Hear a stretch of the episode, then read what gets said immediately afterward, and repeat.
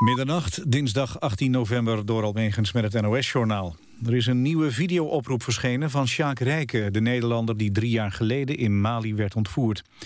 De video zou in september zijn opgenomen. Vorig jaar september werd voor het laatst van Rijken vernomen... toen verscheen een eerste video. Rijken doet nu opnieuw een dringende oproep aan Nederland om hem vrij te krijgen. Hij houdt de Nederlandse regering verantwoordelijk voor het leed dat hem overkomt. Hij zegt dat hij ernstige rugklachten heeft en er emotioneel slecht aan toe is. Hij eindigt met de woorden alsjeblieft, help me alsjeblieft. Rijken werd in 2011 samen met twee andere westerlingen ontvoerd uit een restaurant in Timbuktu. Sindsdien houden islamitische strijders in Mali hem vast. Buitenlandse Zaken zegt kennis te hebben genomen van het filmpje en verder niet te willen reageren. In de Amerikaanse stad Ferguson is de noodtoestand uitgeroepen. De gouverneur van de staat Missouri is bang voor grote onrust. De onderzoeksjury bepaalt binnenkort of een blanke agent wordt vervolgd voor het doodschieten van een ongewapende zwarte tiener in augustus. Daarna gingen inwoners van Ferguson dagenlang de straat op om te demonstreren. Daarbij ontstonden rellen waarbij zwaar werd gevochten tussen demonstranten en agenten. En ook toen werd in Ferguson de noodtoestand uitgeroepen.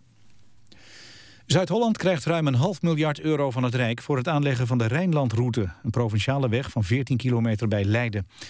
De weg moet de snelwegen A44 en A4 met elkaar verbinden.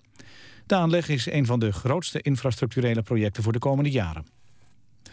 Om geld in te zamelen voor de bestrijding van ebola... is er eind deze maand een belpanel in Hilversum met bekende Nederlanders. Op vrijdag 28 november nemen bekende Nederlanders van 6 uur s ochtends tot middernacht de telefoon aan... voor donaties op Giro 555. Of de actie op televisie wordt uitgezonden is nog niet duidelijk. Het weer plaatselijk wat motregen. Vannacht ontstaat nevel, soms ook mist en het koelt af tot 4 graden.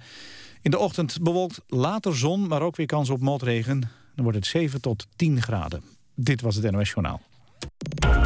NPO Radio 1. VPRO. Nooit meer slapen.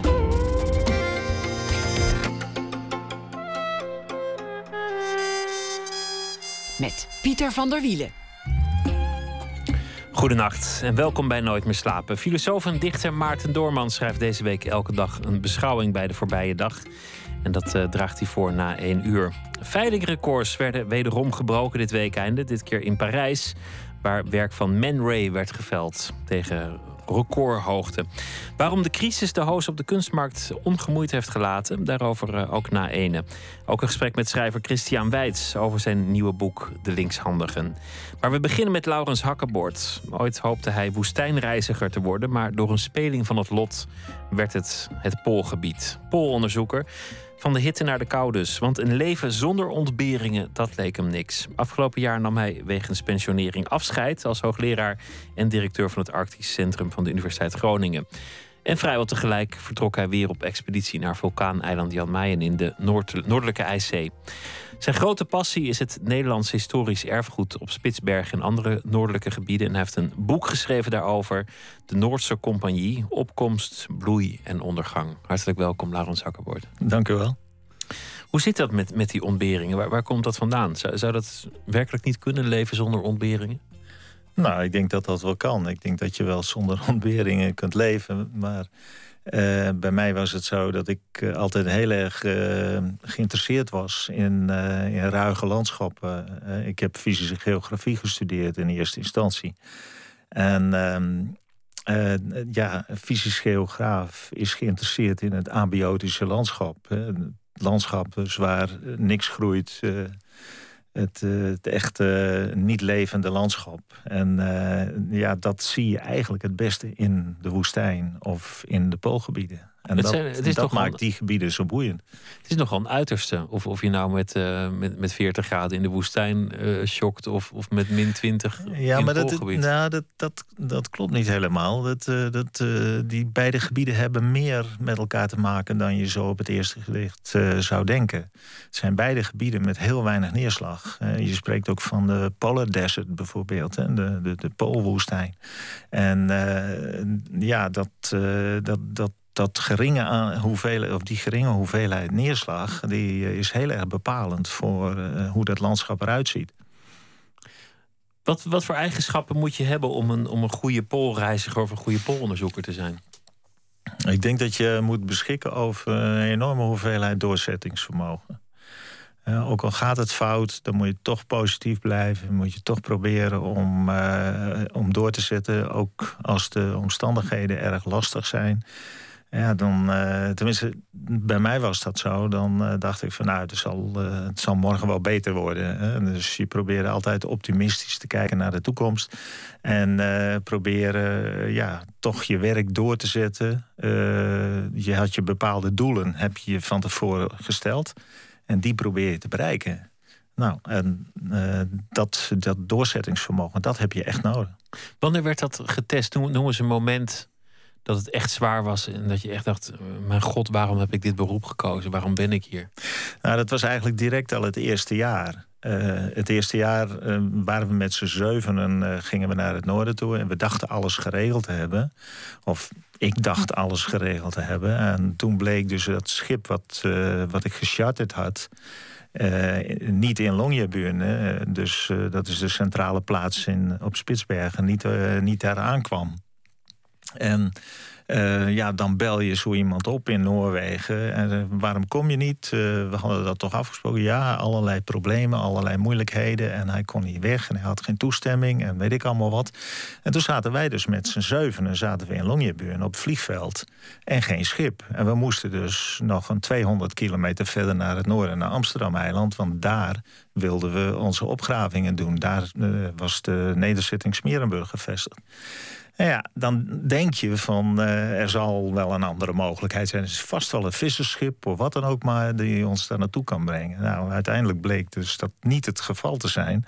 En pas na een aantal dagen konden we op een toeristenschip notabene van de Huttigroute konden we naar het noorden. En toen kwamen we bij het eiland aan. We zagen het eiland en toen was de wind zo sterk dat de kapitein ons niet wilde landen daar.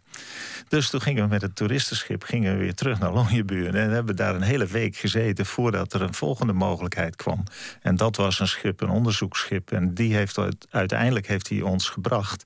Ons, dat wil zeggen twee mensen en de bagage. Eh, en wij moesten met een helikopter vanuit Longyearbyen... 200 kilometer met een helikopter, dat kost een, handvol geld... Uh, maar uh, ja, dat was de enige manier om er dan uiteindelijk toch te komen. Nou, dat, is, dat heeft iets te maken met dat doorzettingsvermogen. Je moet je niet laten ontmoedigen. Je moet gewoon doorgaan en je wilt gewoon iets bereiken. En dan, nou, dan doe je dat ook, koste wat kost. Dit zijn nog ontberingen in, in de logistieke zin. Maar dan, er komt natuurlijk ook een moment dat je, dat je in een tent slaapt bij, bij erbarmelijke temperaturen. Of, of dat je je ogen niet open kunt doen voor een sneeuwstorm. En, en dat, je, dat je dan ook eh, je behoefte moet doen in de zelfgegraven kuil. Comfort betekent niks meer op een zeker ogenblik. Nee, op een gegeven moment. Uh, uh, ja, dan, dan, dat, dat was eigenlijk ook dat eerste jaar. Dat wij uh, uitrusting bij ons hadden die, die eigenlijk niet goed was, maar, uh, was voor die omstandigheden. Want het was niet eens zozeer een temperatuursprobleem op Amsterdam-eiland, maar het was meer een vochtprobleem. Het was daar altijd, het regende altijd, of het was een mistig, het was, de lucht was altijd vochtig en alles ging kapot. Uh, en uh, dan lig je in je tent, in je slaapzak, een donzen slaapzak. Uh, je tent is dan toch onvoldoende bestand tegen die omstandigheden. Binnen de tent is het net zo vochtig als erbuiten. en ja, dan, dan, dan voel je je hele lichaam voel je samentrekken vanwege de kou en, en met name het vocht. En ja, dan ben je s ochtends uh, niet echt uitgeslapen, kan ik je vertellen. Als je dan, en geen uh, van allen, want je bent ook nog op elkaar aangewezen. Ja. Dus, ja. dus nou, dat, is, dat, dat, is een volgende punt. Je moet ook uh, behoorlijk communicatief zijn, sociaal zijn. Je moet toch met de ander ook samen kunnen werken. Want je kunt bepaalde dingen alleen maar samen doen. En dan kun jij nog zoveel doorzettingsvermogen hebben. Maar als de anderen het niet hebben, dan gaat het nog fout. Hoe hoog kan het oplopen als, als je langdurig op expeditie bent in een, in een groep vol ontberingen? Ja, nou, dat, dat kan behoorlijk oplopen. Dat, dat, dan vallen er echt wel harde woorden. En uh, dan moet je toch proberen om iemand er weer bij te trekken. Uh, je moet je voorstellen dat je op, op een eiland zit, onbewoond eiland, met z'n zevenen. En dat mensen daar uh, allemaal hun eigen beeld van hadden toen ze naar het eiland toe gingen. En uh, ja, dan. Uh, als, dat, als die beelden als die niet kloppen en niet met elkaar harmoniëren, dan heb je echt een groot probleem. En dan, ja, dan moet je soms iemand uh, uh, ja, tot de orde roepen en zeggen: Ja, jongens, zo gaat het niet. En, uh, of, of je gaat weg of je blijft hier. En weggaan is er meestal niet bij, omdat je zeker in die tijd geen logistiek had. Tegenwoordig is die logistiek gewoon veel beter. En nu zou je iemand weg kunnen sturen, bij wijze van spreken. Maar toen niet. Je was gewoon tot elkaar veroordeeld. Zie je meteen of iemand het gaat redden? Als, de, als die zegt, ik wil wel mee op expeditie? Nou, dat, is, dat is een heel lastig punt. Uh, dat zie je meest, meestal niet meteen. En dat is dus ook de reden waarom dat uh, van tevoren... Uh, toch een, een, een, aantal gesprekken hebben... en proberen er toch achter te komen... of, of iemand geschikt is, ja of nee. En uh, dat, is, dat is lastig. Dat is echt een heel lastig punt. Omdat mensen zich heel moeilijk kunnen voorstellen dat ze ergens alleen zitten. En uh, ja, ergens ook zitten waar ze niet weg kunnen. en dat, dan, dan kunnen er hele rare dingen boven komen. Mensen kunnen dan heel onredelijk worden, bijvoorbeeld. Hele gekke karakters blijken te hebben, of, of, of gekke, ja, ja, irritante tics. Ja, iets wat je totaal niet had verwacht. Wat, wat eten jullie? Want heb je al je eten gewoon bij je in blik voor, voor de hele expeditie. Of is het ja, nou, daar is ook een groot verschil met 1979 toen ik voor de eerste keer ging. Uh, toen hadden we uh, noodrantsoenen van het uh, leger. Uh, trouwens, heel gek, maar toen wij naar Jamaica gingen afgelopen zomer... hadden we ook weer noodrantsoenen van het leger. Dus het was net alsof de cirkel rond was. Maar we zijn dus het eerste jaar zijn we met de noodrantsoenen van het leger... Uh, die, die, uh, nee, die, die had men eigenlijk over... En die waren ook over datum of tegen de datum aan. Niet over de datum, maar tegen de datum aan. En die hadden we meegenomen. En uh, als je dat vergelijkt eigenlijk met tegenwoordig, dan, uh, ja, dan is dat totaal anders. Dan was het in blik, toen was het in blik uh, het eten. En tegenwoordig is het eigenlijk allemaal gevriesdroogd en licht eten. En, ja, een totaal andere situatie. En dan heb je nog ijsberen. Dat, dat vind ik altijd het meest tot verbeelding sprekende deel. Want -hmm. ik heb begrepen dat je ook moet leren schieten voor je erheen gaat. En dat je, je eigenlijk altijd moet zorgen dat je je geweer in de buurt hebt. Want zodra je hem ziet, ben je nog op tijd. Maar ja. daarna misschien ja. niet meer. Nou ja, dat, dat is specifiek voor Spitsbergen. Uh, uh, in Groenland heb je dat al minder, omdat er minder ijsberen voorkomen. En in Antarctica heb je het al helemaal niet. Dus dat is echt een, een, een geweldig iets. Van dan hoef je niet meer met een wapen te lopen. Hè? Dus dat is, dat is een groot voordeel. In Zuid-Groenland hoeft dat dus ook niet. En op Spitsbergen moet je inderdaad altijd een wapen bij je hebben. En dat was in het begin ook heel erg wennen.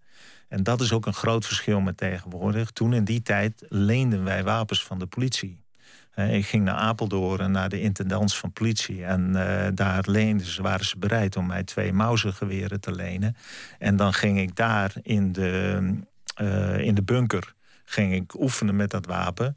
En uh, ja, op die manier wist je tenminste een beetje hoe dat wapen werkte. Ik had wel in dienst gezeten, dus ik had wel vaker geschoten.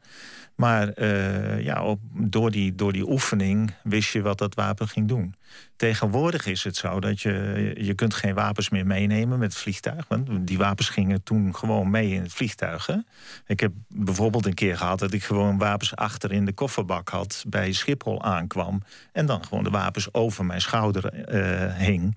En vervolgens naar de douane toe liep. Die en, tijden zijn voorbij, ja. Ja, en papieren en zo waren allemaal goed. Maar die tijden zijn gewoon voorbij. Dat, dat, dat, dat kan helemaal niet meer. Dus wat we tegenwoordig vaak doen is dat we of wapens van een schip krijgen... of uh, wapens ter plaatse op Spitsbergen huren. Uh, en dan gaan we op Spitsbergen trainen. Dan gaan we daar naar de schietbaan en dan, uh, dan gaan we daar trainen. Maar we trainen wel altijd van tevoren. Maar je, je moet schieten. Als je een ijsbeer ziet, dan, dan moet je hem meteen schieten. Of is dat niet nee, zo? je moet niet schieten. Daar moet je van uitgaan. Maar je moet natuurlijk wel weten hoe een wapen werkt. En je moet wel weten dat als het moet, dat je dan ook kunt schieten. En dat je dan ook in één keer goed raak schiet. Want uh, ja, een aangeschoten beer is nog veel, veel gevaarlijker dan, uh, dan, dan een niet aangeschoten beer, zou ik wel zeggen. Maar hoe gaat het? Want je ligt s'nachts in je tent en dan, ja. dan, ja, kan je niet op de uitkijk zitten. En dan, dan komt er een ijsbeer. In principe ga ik ervan uit dat die ijsbeer net zo min met jullie te maken, eh, iets te maken wil hebben met jullie als, als andersom? Nou, een ijsbeer is nieuwsgierig. Uh, en als hij ergens een tentenkamp ziet, dan komt hij daarop af. En dan is hij nieuwsgierig en dan is hij op zoek naar uh, eten. Dus die, die, die ijsberen, de meeste ijsberen, uh, die komen dan wel op dat kamp af. Maar we hebben rondom dat kamp, op een behoorlijke afstand van de tenten, hebben we een tripwire, zoals we dat noemen. Een struikeldraad. Daar zitten detonators aan. Uh, die, die, dat zijn verschillende paaltjes die je dan neerzet. En daar komt een detonator aan. En uh, zodra die ijsbeer door die, uh, door, door die struikeldraad heen loopt... dan trekt er een pinnetje uit die detonator en dan krijg je een knal. De meeste ijsberen lopen dan weg. Hè? Die, zeg maar 9 van de 10 ijsberen gaan weg. Maar ja, af en toe dan is het inderdaad zo dat een ijsbeer gewoon door blijft lopen en naar de tent toe gaat. Nou, ik heb dat zelf, godzijdank, uh, maar één keer meegemaakt. Dat ik midden in de nacht wakker werd door een knal. En dat ik, omdat ik mijn wapen naast mijn uh, slaapzak had, dat ik mijn wapen pakte en nou ja, de rits van de tent omhoog. En toen stond de beer voor, mij, voor mijn tent. En toen schoot ik hem over zijn kop heen. Het is een soort, soort reflex. Want ik had hem natuurlijk ook meteen kunnen schieten. Maar ik schoot hem over zijn kop heen. En toen draaide hij godzijdank om. En ging die weg. En tegen de tijd dat de anderen uit de tent waren, was die beer al weg. Ze hebben nog net het achterin van de beer gezien. Maar al die ontberingen, wat is nou uiteindelijk hetgeen daar tegenover staat? De, de schoonheid van het landschap, kan ik me voorstellen. De inhoudelijke interesse voor dat archeologisch erfgoed, waar we ook nog over komen Ja. te spreken. Maar Ja. Er, er moet, moet iets meer zijn waarom iemand dat volhoudt. Ja, waarom, waarom dat iemand dat, dat leuk vindt om daar naartoe te gaan. Ja, en- dat, en he- niet dat denkt heeft van- heel erg met het landschap te maken. Dat landschap dat is een, een, een ruimtelijk iets. Het is, je hebt die vergezichten, je voelt, je krijgt een, een gevoel over je. Zeker na een aantal dagen, eh, misschien moet ik wel zeggen weken, dat, dat, dat, dat je vertrouwd raakt met het landschap. En dat je het landschap leert kennen. En eh, ja, dan, dan geeft het je ook een, een, een gevoel van voldoening. Van ik kan hier in dit landschap kan ik leven. Ik kan hier, eh, wel met steun van de buitenwereld natuurlijk... want je hebt je spullen meegenomen... maar ik kan, me daar, ik kan hier bestaan. En eh, dat, dat geeft een enorm bevredigend gevoel. En het geeft ook een heel rustig gevoel. Dus je bent heel erg in, in harmonie met dat landschap. En, en dat maakt het zo speciaal. Ik En heb meestal na een- aantal dagen dat ik me helemaal op mijn gemak voel... en eh, een geweldig eh, gevoel over me krijg. Iets wat je nooit zou hebben in, in de stad. Nee, absoluut niet. Nee, dat, eh, dus, daar is het veel te druk. En dat, dat heb ik overigens ook wel gehad. Dat ik terugkwam na 2,5 maand in, in het Poolgebied gezeten te hebben. En dat, dat ik gewoon echt helemaal... Ik moest mm, ja, gewoon weg. Eh, ik, ik kon niet meer sturen bijvoorbeeld. Ik kon geen auto meer rijden, want... Dat werd, was allemaal veel te druk. Er kwam van alle kanten kwamen eh, impulsen. En dat heb je in het Poolgebied niet. Het is een heel rustig eh, gebied eigenlijk. Bijna een soort vlucht ook dan. Nou, ik zou het niet een vlucht willen noemen, maar het is wel een natuurlijke omgeving die, die heel dicht bij de oorspronkelijke natuurlijke omgeving van de mens komt, denk ik. Nou, dat waren de savannen, dat was toch comfortabel warm. Ja, ja dat, dat is waar. Maar goed, er waren ook mensen die in eh, andere streken zaten. Wat als het er nooit meer zou zijn? Want je bent van de zomer meteen na je pensionering toch vertrokken. Mhm. Eh, een een eh, expeditie naar Jan Meijen in een, een vulkaaneiland in de Noordelijke IJszee. Daar, daar gaan we het straks nog over hebben, die, die expeditie. Maar wat als het op zou houden? Als je misschien te oud zou worden of, of, als eh, ja, andere mensen het overnemen. Ja, eh, nou, andere mensen nemen het al over. Het is een stuk drukker geworden in die poolgebieden. Ook vanuit Nederland, gelukkig. Eh, Er wordt heel veel onderzoek gedaan vanuit Nederland in poolgebieden. Zowel in Noordpool als in het Zuidpoolgebied. En ehm, ja, voor mijzelf persoonlijk denk ik dat het eh, heel lastig wordt. Ik denk dat ik, eh, dat ik daar moeilijk zonder ta- kan gaan. Eh, en, en ja, als ik enigszins kan gaan, dan ga ik ook. Als ik maar enigszins een excuus heb om weer naar die gebieden toe te gaan, dan ga ik. En dat zou je ook Ik- dat volhouden. gevoel, dat, dat, dat gevoel wat, wat, wat dat gebied mij geeft, ja, dat, dat, eh, dat, dat heb ik af en toe wel nodig. En ik ben bijvoorbeeld in afgelopen herfst ben ik in Nepal geweest en in Bhutan en Tibet. Eh, en daar heb ik een beetje hetzelfde gevoel. Je gaat die bergen in en je komt boven de 5000 meter... en je krijgt weer hetzelfde gevoel van... goh, ja, dit is het landschap wat ik mooi vind. We gaan het straks hebben over het Nederlandse erfgoed daar... maar we gaan nu luisteren naar twee soul-legendes van dit moment... Gregory Porter en Ben Loncle Soul die een nummer doen van een soul-legende van wel eer, namelijk Bill Withers. En dat nummer kwam uit 1971, Grandma's Hands. En het staat op een uh, bonus of op een bonus-editie van het album Liquid Spirit van uh, Gregory Porter.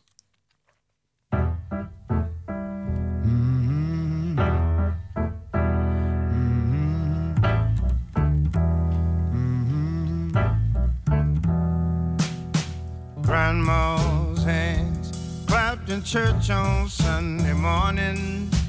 Grandma's hands played the tambourine so well. Grandma's hands used to issue out a warning. She said, Gregory, don't you run so fast. Might fall on a piece of glass. Might be snakes there in that grass. Grandma's hands.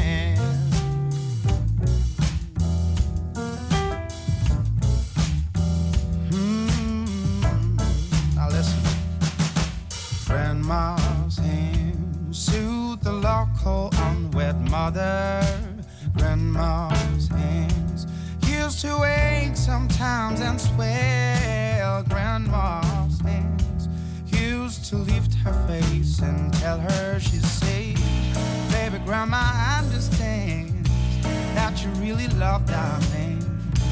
Put yourself in Jesus' hands.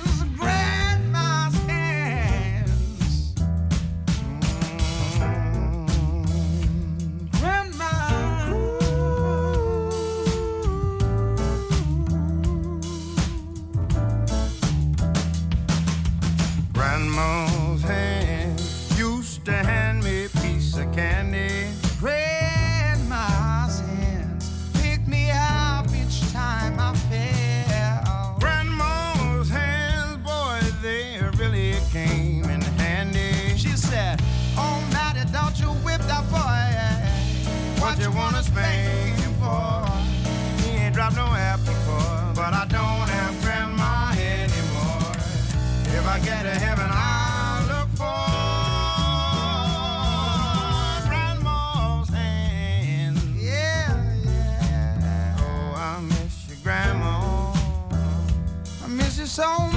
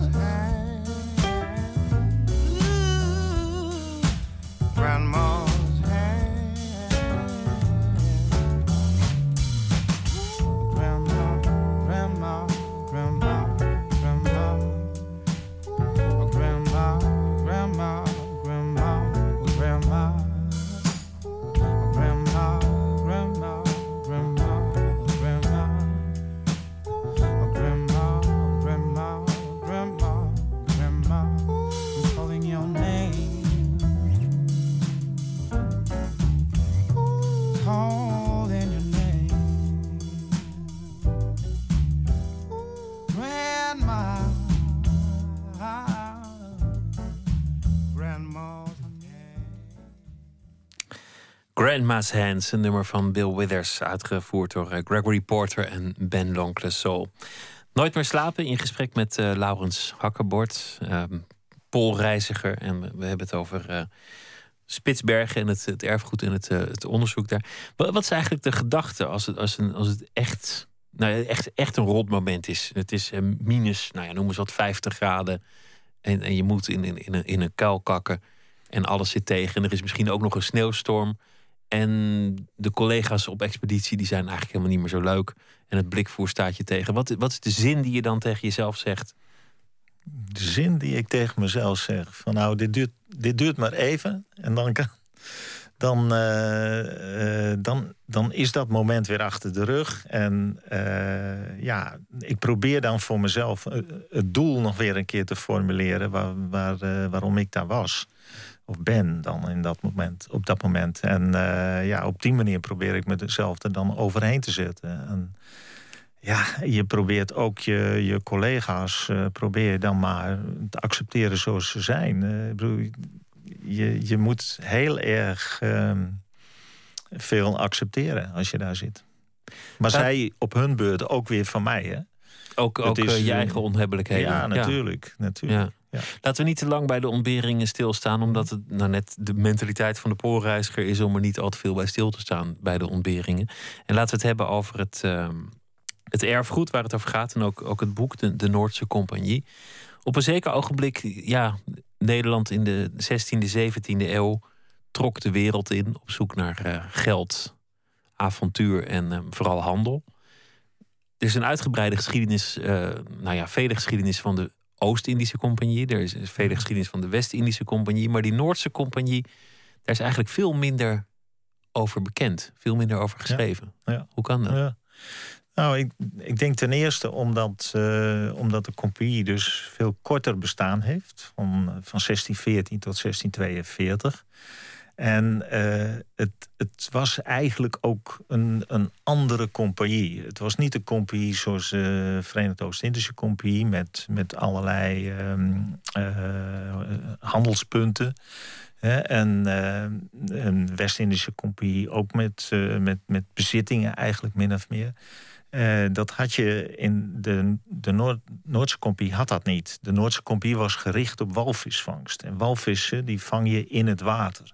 En uh, in dat, dat, dat, uh, dat bezit je niet. Hè. Dat was ook de algemene idee in Nederland van ja, water bezit je niet. De water, de zee is voor ons allemaal. Mare libre. Het idee van Hugo de Groot. En dat, dat ging heel ver eigenlijk. En ja, wat dat betreft is die, uh, is die Noorse compie ook nooit in dezelfde organisatiestructuur gekomen. De Noorse compie was eigenlijk meer een kartel van zelfstandige ondernemingen. Die allemaal één doel hadden en dat was uh, walvissen vangen. En proberen het aantal beperkt te houden. En, en waardoor dus de prijs omhoog ging op de markt. dus, dus wat je nu eigenlijk zou proberen te vermijden, kartelvorming om de prijs hoog te houden. Wat nu niet mag eigenlijk, hè? Dat, dat deden zij. En, en, zij hadden dan, zij streefden naar een soort monopolie op die walvis. Ja. Ze hadden een monopolie. Dat monopolierecht hadden ze van de Staten-Generaal, de, de, regering van toen, gekregen.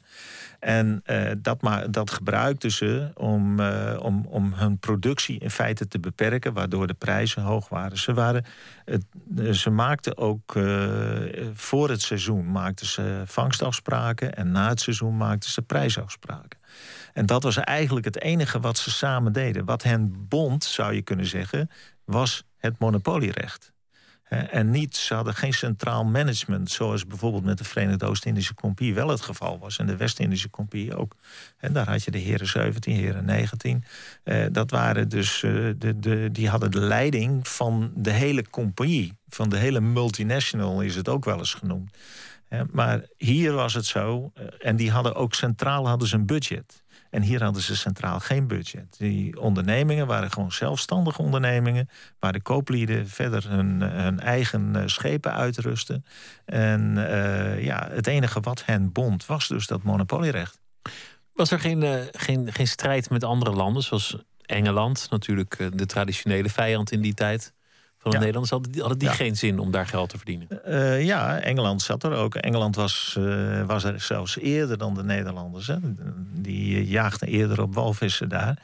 Nederland, uh, of Willem Baris had het dan wel ontdekt. Maar ongeveer een, een 12, 13 jaar daarna begon Engeland met de walvisvangst. En een jaar daar weer na begonnen de Nederlanders. En dat was zeer tegen de zin in van de Engelse kooplieden. Die hadden echt van ja, jullie volgen ons overal en dan proberen jullie het van ons over te nemen. Dus er, was, er waren heel veel conflicten in de, in de wateren van Spitsbergen. En, soms werden er ook kanonnen gebruikt en soms werden er ook schepen. Eh, in 1617 bijvoorbeeld werd een Zeeuws werd gekaapt, min of meer. de, de vangst en de vleet, de uitrusting werd meegenomen. En dat ging allemaal naar Londen toe. Nou, dan krijg je weer een eindeloze diplomatieke touwtrek. En uiteindelijk is dat schip nooit teruggekomen. Ze hebben ook nooit schadevergoeding gehad. dus uh, ja, er was voortdurend eigenlijk waren er conflicten. En daar hielp dat monopolierecht natuurlijk ook voor. Want die, die Noordse compie die stond onder druk. Door die buitenlandse concurrentie. En die moest niet ook nog een keer concurrentie binnen Nederland hebben. Nou, dat monopolierecht dat voorkwam dat. En bovendien stuurde de Staten-Generaal ook nog een keer oorlogsschepen mee... om die vloot te beschermen. En dan ging het allemaal om, om de walvis. Van de walvis maak je traan. Ja. Bij, bij traan denk je aan levertraan, goed voor, voor je gezondheid. Sommige mensen hebben dat misschien nog meegemaakt. Maar dit was gewoon een industriële toepassing. Dit was uh, grondstof, zou je kunnen zeggen. Het was de grondstof voor de zeepindustrie. Het was de grondstof voor uh, kazen. Uh, men brandde er lampen op. het was niet, men had liever plantaardige olie en vetten, want die walmden veel minder. dus het was niet zo'n zo'n geweldig hoge kwaliteit traan. Maar ja, de prijzen waren erg hoog, de traanprijzen. En men kon er veel geld mee verdienen. Dus men, men probeerde dat zo, toch goed te regelen allemaal. Dat er voldoende geproduceerd werd, maar net niet zoveel dat de prijzen gingen dalen. Je, je, je vaart op een walvis af. Mm dan, dan moet je die harpoeneren aan, aan boord trekken of, of achter je aanslepen. Mm Maar dan vervolgens moet je, moet je hem nog verwerken. Want je kunt moeilijk mhm. helemaal terug naar Groningen varen met, met een walvis achter je aan. Hoe, hoe ze deden gingen, ze dat? Gingen überhaupt niet naar Groningen, hoor, want Groningen deed niet mee in dat hele verhaal. Oké, maar, ja. maar goed, je, je, eh, moet, je moet die walvis ergens aan stukken ieder, zagen. Ieder schip heeft uh, vier sloepen bij zich. In, in een sloep zitten zes mensen. Op de voorplecht staat een harpoenier. Die gooit een harpoen, dat is een, een, een scherp... Uh, of, of een, een, een pijl met weerhaken. Die gooit hij in die walvis. Daar zit een lijn aan. Eh, binnen een sloep heb je een lijnschieter. Die zorgt ervoor dat die lijn gevierd wordt. Want anders dan zou, wanneer die walvis onder water gaat duiken... dan zou die sloep meegetrokken worden. Dus je moet hem flink eh, lijn geven. Uh, en flink de ruimte geven. Want, en dan neemt hij dus zo'n sloep op sleeptouw. Dan weten de anderen waar die walvis zit... en waar die op een gegeven moment weer boven komt. Want de walvis is een zoogdier. Moet boven komen om weer adem te halen. En dan zijn die andere sloepen zijn in de buurt. Uh, en denk nou niet dat die, die walvis zo vreselijk snel zwemt. Want het zijn eigenlijk hele traag zwemmende dieren, die, die Groenlandse walvis. Hè, de specifieke soort die daar voorkwam. Dus dan komen de andere sloepen komen in de buurt. En dan gooit de volgende harpoenier gooit, uh, zijn harpoen erin. Walvis duikt weer onder heeft hij twee sloepen op sleepstouw. En zo gaat dat door. En op een gegeven moment vier. En ja, dan raakt dat beest afgemat. Dan halen ze de lijn halen ze in. En dan komen ze dichterbij. En dan steken ze met lange lansen in dat beest. Net zolang tot oranje blaast hij al. Zo, zo wordt het genoemd. dat betekent dus dat in de blaas bloed komt te zitten. En dan weten ze van nou, duurt nu maar eventjes. En dan draait hij om en dan is hij dood. Maar dat, moet, dat moet er vreselijk uitgezien hebben, want het zijn natuurlijk enorme beesten. Dus was dan de hele zee rood gekleurd op een plek waar dit ja, gebeurde? Zeker, zeker was dat zo. Ik heb, uh, ik heb uh, documentaires gezien over die walvisvangst door uh, Eskimo's, Inuit, bij, in Alaska. En daar gebeurt het eigenlijk nog op dezelfde manier. Hè? Alleen dan heb je die huidenboten die ze op sleeptouw hebben. Nou ja, als die, dat beest dan dood is, dan, dan slepen ze het naar het strand toe. Ze trekken hem dan met kaapstanders van die spil spillen waar een, een, touw omheen draait. Hè. Dan loopt dan uh, een, een, man, die loopt, twee mannen lopen rond. En die proberen dat touw op te winden. En die trekken dan die walvis het strand op. En dan wordt hij afgespekt. En dat betekent dat ze met lange messen die spek, dat spek in repen eraf snijden. En dan trekken ze dat spek trekken ze los. Die lange repen spek die worden dan vervolgens in kleinere stukjes gesneden. Uh, zo groot als een statenbijbel. Die werden ook bijbels genoemd. En die bijbels die gingen dan naar een kapbank toe. En daar werden ze nog weer in kleinere stukjes gesneden, in vinken. En die vinken die gingen dan in de pan en die werden gekookt daar tot traan. En traan werd er dan uitgeschept. Dat ging in het vat. En het vat met traan ging dan aan boord van het schip. Dat, dat is het hele proces. Dat moet flink gestonken hebben. Ja, gestonken. En uh, was natuurlijk ook uh, in, in die natte omstandigheden van Amsterdam-eiland... Uh, was dat natuurlijk ook een smeerboel van hier en daar. en dus, dus vandaar ook dat, de naam Smerenburg. dat, dat kwam gewoon eigenlijk met de hele situatie overeen. Een van de Nederlandse plekken daar. Hoe, hoe kan het als er een monopolie was... dat die, die walvisstand in die tijd zo extreem is afgenomen. Want dat blijkt eigenlijk uit de beschrijvingen dat, mhm. dat het op een zeker ogenblik slecht gaat met de walvis, dat er steeds minder zijn. Ja, nou ja, dat, dat is dus in de tijd van de Noorse Compagnie is dat niet het geval. De Noorse Compagnie maakte dus vangstafspraken en probeerde het aantal gevangen walvissen zo beperkt mogelijk te houden om die prijs zo hoog mogelijk te houden. dus ze, het aantal schepen wat jaarlijks naar het noorden toe ging, was, nou ja, dat varieerde een beetje, maar tussen de 10 en de 20. En uh, dus dat, dat betekende al dat die druk op die walvis, op die populatie, niet zo groot was. Alleen maar op plekken waar die walvis zich concentreerden. En dat was meestal langs de rand van het pakijs. En in de baaien van Spitsbergen. Daar werden ze bejaagd. maar er waren, voor een heleboel walvissen waren, was daar volop uh, ruimte om te ontsnappen. Nou, um, tot 1642, dan is dat, uh, dat monopolierecht, het octrooirecht, is afgelopen. En dan zie je dat die walvisvangst open is voor iedereen.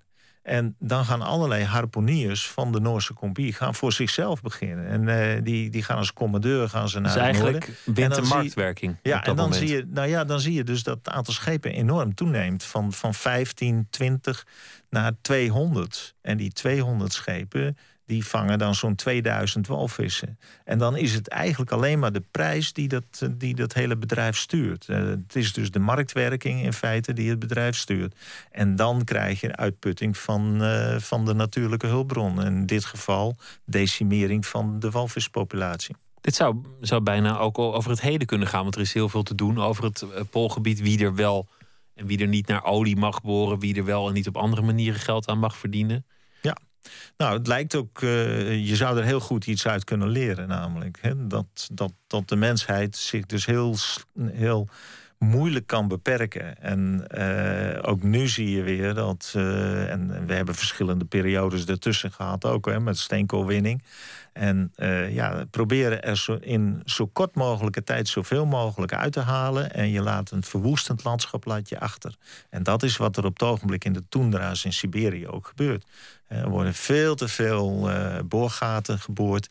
Uh, er zijn veel te veel bronnen en er wordt heen en weer gereden met, met rupsvoertuigen. En de, de, de toendra wordt helemaal kapot gereden.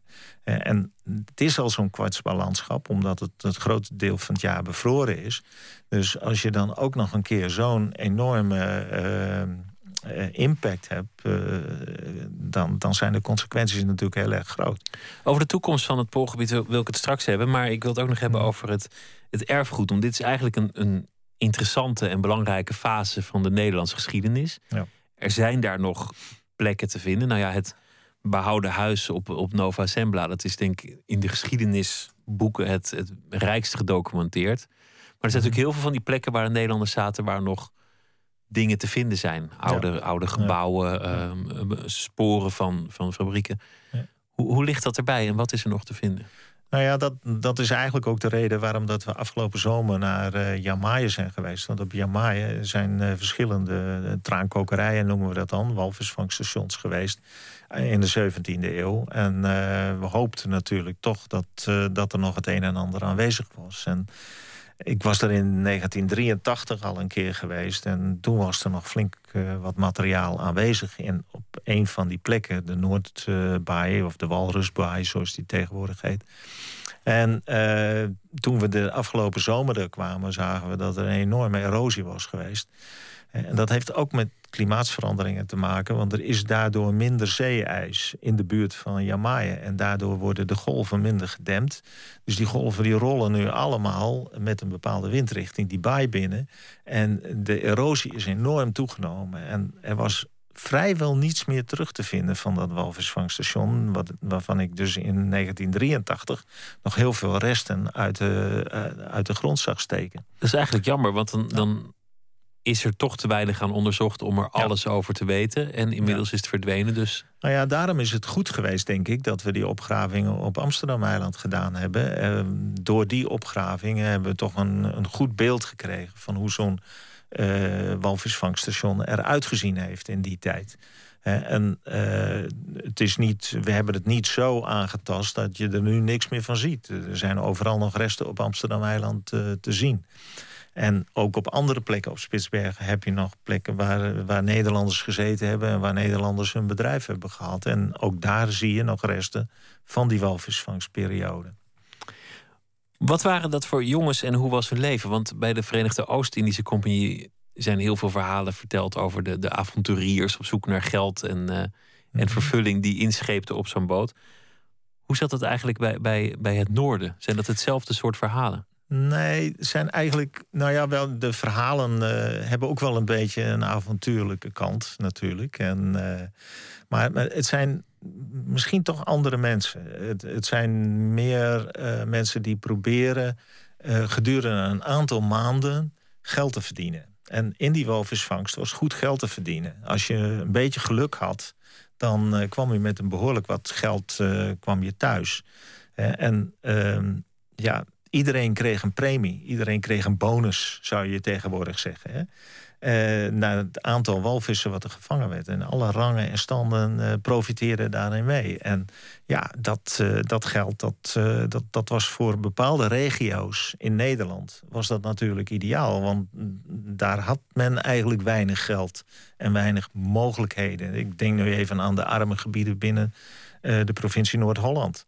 Uh, echt de, de centrale uh, landbouwgebieden met, met heel weinig opbrengst. Uh, en kleine bedrijfjes. Nou, dit was een goede mogelijkheid om wat geld te verdienen. Op de eilanden precies hetzelfde. Maar dit waren gebieden die nog niet ontdekt waren.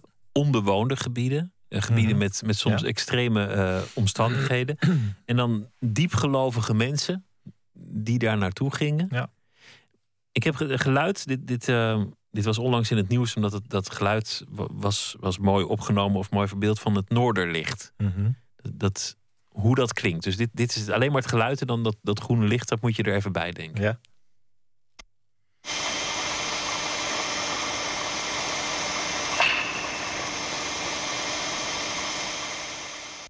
Die klappen, hè? dat is een soort, soort zweepslag van, van die, die, die knallen van het ding. Je, je, je, bent een jonge man, je, je weet niet van het bestaan van dit fenomeen. Je bent diep gelovig en je maakt dat voor het eerst mee. Ja, nou is het zo dat je in, in de zomer geen noorderlicht ziet, hè? Want in de zomer is het continu licht. En dan zie je dus ook geen noorderlicht. En uh, pas in de winter maak je het echt mee. En vandaar ook dat de, de overwinteringsverslagen dat die zo boeiend zijn. Want je ziet dat ze dat noorderlicht en ook de geluiden... want daar spreken ze echt van, dat, dat hebben ze opgeschreven... die geluiden die hebben ze dus echt gehoord. En dat koppelden ze allemaal aan de duivel. Hè? Want het Poolgebied was in, in de middeleeuwse zin... was dat het gebied van de antichrist. Die woonde daar en die uh, beheerste daar de situatie. En zeker in de winter, wanneer het 24 uur donker is. Hè.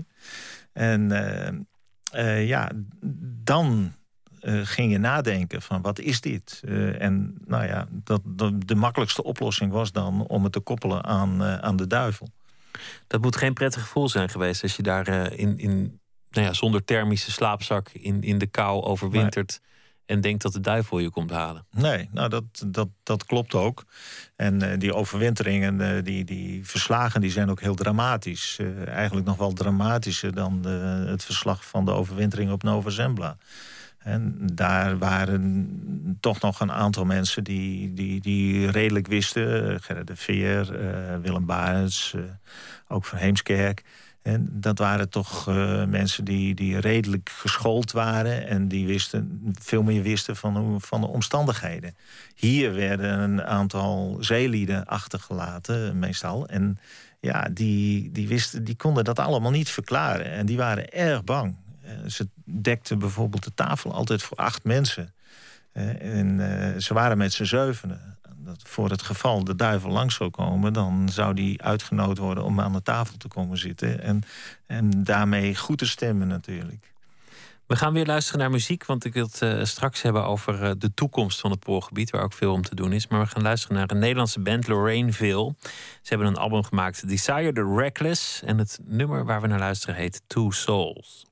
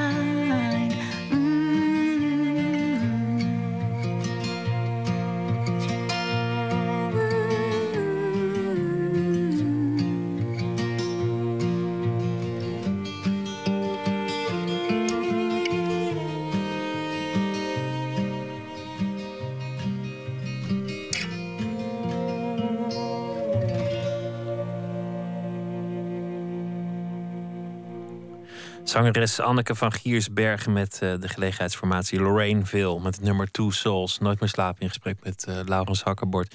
Over, over die poolgebieden is heel veel te doen tegenwoordig. Over ja, smelten die ijskappen nou wel af of niet af? Is het nou al zichtbaar? Uh, gaat de ijsbeer het redden? Steeds eigenlijk lees je andere artikelen. Onderzoekers die zeggen nou het valt allemaal wel mee. Andere onderzoekers die, die echt een noodklok luiden van het gaat harder dan ooit. Als ik het gewoon vraag aan een ooggetuige, iemand die daar eigenlijk al, nou ja, hm. decennia elk jaar wel een keer komt in die noordelijke gebieden, zie je het? Ja, ik ken die verhalen niet van onderzoekers dat het allemaal wel mee zal vallen hoor. Want uh, de, de meeste onderzoekers zijn het daar eigenlijk wel over eens dat het Noordpoolgebied ontzettend verandert. En ik heb het in de afgelopen 35 jaar heb ik het heel erg zien vergroenen sneeuw en ijs verdwijnt steeds meer. En uh, je ziet dat de vegetatie steeds verder naar het noorden toe oprukt. En ook uh, dat, datzelfde geldt in feite voor de fauna ook. De fauna is ook aan het veranderen. Dan moeten we, dat, dat gaat dan wel nog om kleine dieren, maar er vinden duidelijke veranderingen, wijzigingen plaats. En ehm, ja, ik denk dat het uh, heel snel aan het veranderen is. En dat, ik weet dat je dat uh, ook heel duidelijk kunt zien. Is het erg, is dan de, de, de volgende vraag. Ja, dat is een, een, vraag die mij vaak gesteld wordt. Van is het erg dat dat poolgebied dat dat, zonder sneeuw en ijs is? Ja, dat, dat, dat is... Dat is hoe je er tegenaan kijkt. In, in de eerste instantie is het zo dat die poolgebieden die hebben een bepaalde functie die, hebben ook, uh, die zitten in het systeem aarde. Die zorgen ervoor dat, uh, dat de aarde is zoals die is. En uh, er zijn natuurlijk in het verleden periodes geweest dat er geen, geen ijs en sneeuw was op, op, op aarde. in ieder geval niet op de polen. En ja, toen had je totaal andere omstandigheden. nu, op dit moment, zijn er 7 miljard mensen. Ehm, ja, die moeten allemaal leven. En uh, wanneer er sneeuw en ijs gaat afsmelten, dan moet je toch rekening houden met een behoorlijke stijging aan, uh, van de zeespiegel. En als je dan weet dat in uh, Zuidoost-Azië ongeveer een, een 110 miljoen mensen in de bedreigde zone leven. Nederland is een rijk land, kan allerlei voorzorgsmaatregelen nemen en kan het nog wel een lange tijd uithouden. Maar die landen niet. En die landen worden keer op keer door overstromingen getroffen. En ja, wanneer die, die hebben erg veel last van een uh, zeespiegelstijging van een meter. Hoe zit het in de poolgebieden zelf? Ik, ik zag een, uh, een televisieuitzending uh, afgelopen weekende... waarin eigenlijk werd betoogd van... nou ja, dat wordt een windgewest. Allerlei speculanten die duiken er ook op... want het wordt interessant voor nieuwe zeeroutes, voor grondstoffen... Ja. Als er geen ijs meer ligt, dan kun je daar ook weer olie uithalen en, en, en, andere dingen. Ja. Er werd zelfs ergens gezegd van uh, de Inuit, dat, dat, dat wordt zeg maar het uh, Dubai van het noorden misschien wel. Nou, ik denk dat dat nog wel een uh, beetje mee zal vallen. wanneer de sneeuw en ijs weg is, en wanneer het ijs, het zeeijs weg is, dan wil het nog niet, zijn, niet zijn, zo zijn dat, dat het een rustige zee is. En wat we op het ogenblik zien is dat het zeeijs dat het afsmelt. We zien dat de stormfrequentie enorm toeneemt. Wat ik net al zei voor Jan Maaien, dat de golfhoogte dat die ook uh, toeneemt. Uh, en dat betekent dus dat je uh, door al die klimaatsveranderingen geen rustig gebied hebt, wat je makkelijk even in gebruik kunt nemen. En dus dat is de eerste misvatting. Het ijs is niet de enige barrière, er zijn veel meer barrières voor dat gebied. En ten tweede is het zo dat uh, door die klimaatsveranderingen de situatie erg onzeker wordt. Je weet niet wanneer er ijs is en wanneer er geen ijs is. We moeten er gewoon rekening mee houden dat er voorlopig uh, in ieder geval wel ijs is. Hè. 2040 werd geloof ik genoemd in die documentaire dat er geen ijs meer zou zijn op de Noordpool. Nou, misschien in de zomer niet, maar in de winter wel degelijk. Dus dan dat eenjarig ijs, dat is er dan gewoon. Dus uh, daar heb je uh, in die scheepvaart, uh, op die scheepvaartroutes heb je daar rekening mee te houden. En ja, dan kan het zo zijn dat je met je containerschip ineens volop in het ijs komt te zitten. Dat, dat, dat kan gewoon. Het, het, het wisselt heel sterk. Het wisselt nu op het ogenblik ook heel sterk. Het zou wel schelen als je, ik bedoel, als je nadenkt over zeeroutes die mogelijk worden als je noord langs gaat. Een, een hoop mhm. gebieden in de wereld liggen ineens een stuk dichter bij elkaar. Ja, nee, dat, dat, dat klopt helemaal. Als je het als je het berekent, dan is eh, de route via de Noordoostdoorvaart is ongeveer 40% korter dan via het Suezkanaal. En datzelfde geldt voor de Noordwestpassage. En als je helemaal over de Pool zou kunnen gaan, het is niet voor niks dat de vliegtuigen de Poolroute kozen. Als je met schepen via de Noordpool zou gaan, dan, eh, dan zou het nog korter zijn. En dat spaart natuurlijk brandstof en dat, eh, dat spaart geld. Maar aan de andere kant is het zo dat door die uh, onzekere situatie, de verzekeringspremies omhoog gaan. Uh, de landen die het betreft, uh, Rusland en Canada, die zullen ongetwijfeld zullen ze een doorvaartfee vragen. Dus of het echt zoveel goedkoper wordt, is maar de vraag. en en ja, of je het risico moet nemen, dat is ook de vraag. En de, dat, dat zijn denk ik de essentiële vragen. Wil je als mensheid het risico uh, lopen dat er uh, scheepsongelukken ge gebeuren. Dat er olie vrijkomt. Dat er olie in het ijs komt. Nou, dat ruim je niet meteen weg. niet meteen op. En, en dat geldt ook voor boringen in dat gebied? Dat geldt voor boringen precies hetzelfde. Welke risico's zijn acceptabel? En dat, dat zijn de ethische en de, moraal, de morele kwesties. Want het, en daar moet een antwoord op gegeven worden. Het lijkt mij voor een poolonderzoeker die ook een, zekere liefde voor het landschap en voor dat gebied heeft, ook mhm. Moeilijk te verteren dat dat specifieke landschap gewoon verdwijnt. Ja, ik, maar aan de andere kant ben ik uh, reëel genoeg dat ik, dat ik zie dat, uh, dat je binnen de exclusieve economische zone, dus en 200 mijl vanaf de kust, dat je daar niet zoveel aan kunt doen. Want dat, uh, ja, de soevereiniteit ligt dan bij de nationale staten. Maar waar ik wel heel veel moeite mee heb, is dat ze proberen die, uh, die exclusieve economische zone verder uit te breiden. De Arctische Oceaan in, het internationale gebied in. En ik denk, en ik ben echt van mening dat dat internationale, of, of dat die Arctische Oceaan, dat dat een internationaal gebied is. En dat er een verantwoordelijkheid voor de hele wereld ligt. En juist omdat uh, dat gebied erg uh, veel invloed heeft op het systeem aarde. En dus de andere klimaatzones beïnvloedt. Daar moeten we zorgvuldig mee zijn. En ja, dat zouden we eigenlijk uh, tot natuurreservaat moeten verklaren. En no-go areas bijvoorbeeld. In de jaren zeventig uh, speelde dat toch niet, maar tegenwoordig is het ook de tijd dat je overal geweest moet zijn. Been there, done that, seen it. Bought mm the shirt. Dat, het zijn ook toeristische gebieden geworden. Ja. En het is eigenlijk voor iedereen die, die er geld voor over heeft, gewoon toegankelijk. Je kunt naar de Noordpool. Ja. Is, is dat ook niet frustrerend voor een onderzoeker dat het vroeger iets heel bijzonders was? En dan kon je zeggen, ik ben op de Noordpool geweest. Mhm. of, of, of de Zuidpool ook bijzonder. En dat tegenwoordig mensen dat gewoon plannen. Het, het gekke is dat de meeste onderzoekers, de meeste poolonderzoekers, nooit op de Noordpool of op de Zuidpool zijn geweest. Die hebben altijd in de rand uh, gezeten in, het, in het ijsgebied, maar nooit op, op de eigenlijke polen. En toeristen kunnen dat wel. Die kunnen gewoon met een, uh, met een nucleaire ijsbreker naar de Noordpool. En dan zijn ze in tien dagen heen en terug, bij wijze van spreken. En dan hebben ze een dansje gemaakt rondom de Noordpool. Dat is allemaal mogelijk tegenwoordig. En Rusland uh, vliegt zelfs met vliegtuigen naar uh, een gebied vlak bij de Noordpool. En dan kun je de laatste 100 kilometer kun je dan nog met een sleetje daar naartoe uh, Dus ja, voor avonturiers, voor toeristen is dat nou. Voor ons is de, de, de Noordpool en de Zuidpool ja, is eigenlijk niet zo bijzonder. Eh, voor ons is het zo dat de processen die spelen, die spelen aan de rand. En eh, met name de overgang van uh, niet bevroren, wel bevroren. maar geen ijs, wel ijs. Maar ook daar, dan ben je, ben je aan het onderzoeken. Dan heb je nog, zoals het altijd ging, je, je kamp opgezet. En dan en mhm. met je ijsbeeralarm en, en de tent en, het, en het voedsel. En dan zul je toch ook af en toe ineens een horde toeristen zien langslopen. Nou, dat, dat, dat valt nog wel mee. Het is niet zo dat je dan ineens een horde toeristen langs ziet komen. Uh, toeristen uh, focussen zich heel duidelijk op bepaalde punten. Dat kan je wel overkomen als je op Amsterdam-eiland zit... en je bent aan het opgraven uh, de resten van Smerenburg aan het onderzoeken. dan kan het je overkomen dat er op een gegeven moment een groep toeristen is.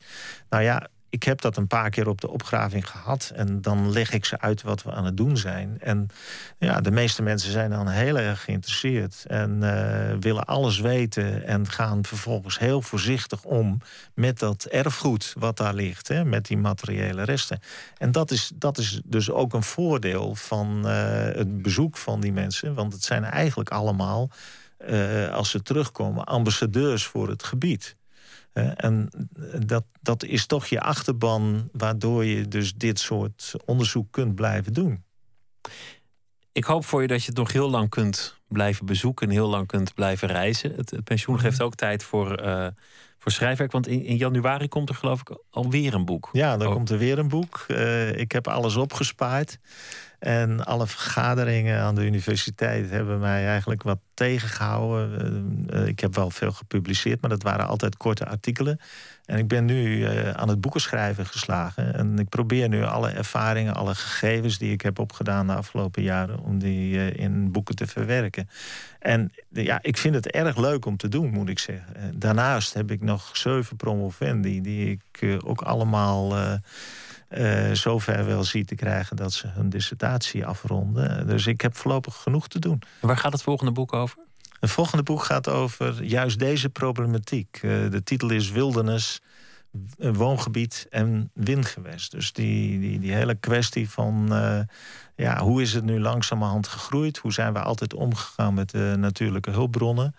Eh, en hoe is dat in al die uh, tijden, al die eeuwen zo gelopen? Hoe hebben we aangekeken tegen de pol? Ja, precies. Laurens uh, Hakkebord, dank dat je te gast wilde zijn. En, Graag gedaan. Veel succes met alle reizen en met het schrijven. Dankjewel. Dankjewel. Zometeen gaat Nooit meer slapen verder. En dan praten we onder andere met Christian Weits over zijn nieuw boek, De Linkshandigen. We gaan het hebben over de hoos op de kunstenmarkt. En u krijgt ook een, eh, een verhaal van de schrijver deze week, die eh, elke dag voor ons een verhaal zal maken over de afgelopen dag. En dat is eh, Maarten Doorman, filosoof en dichter. Twitter, het VPRO-NMS of via de mail nooit meer slapen, vpro.nl. Op Radio 1, het nieuws van alle kanten.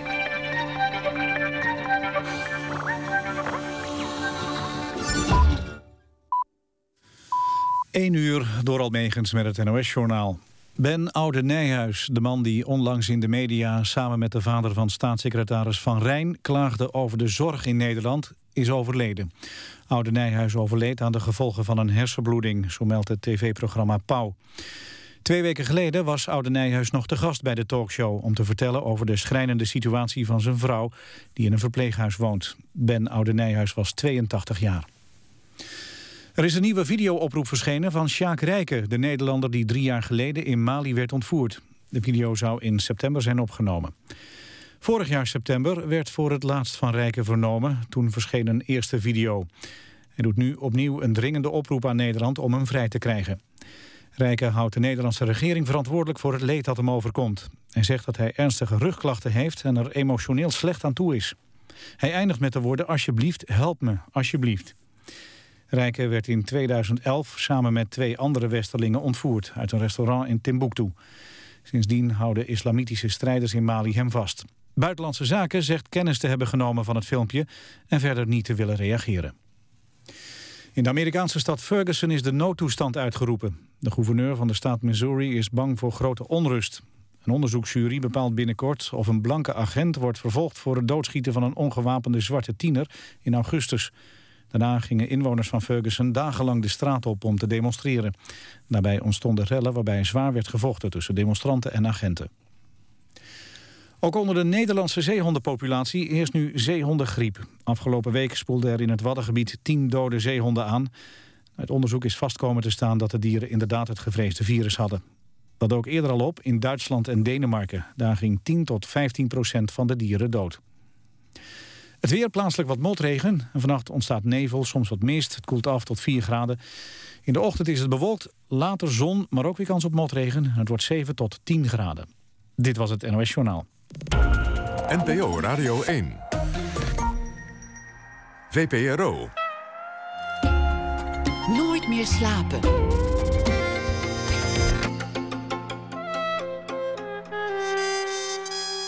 Met Pieter van der Wielen.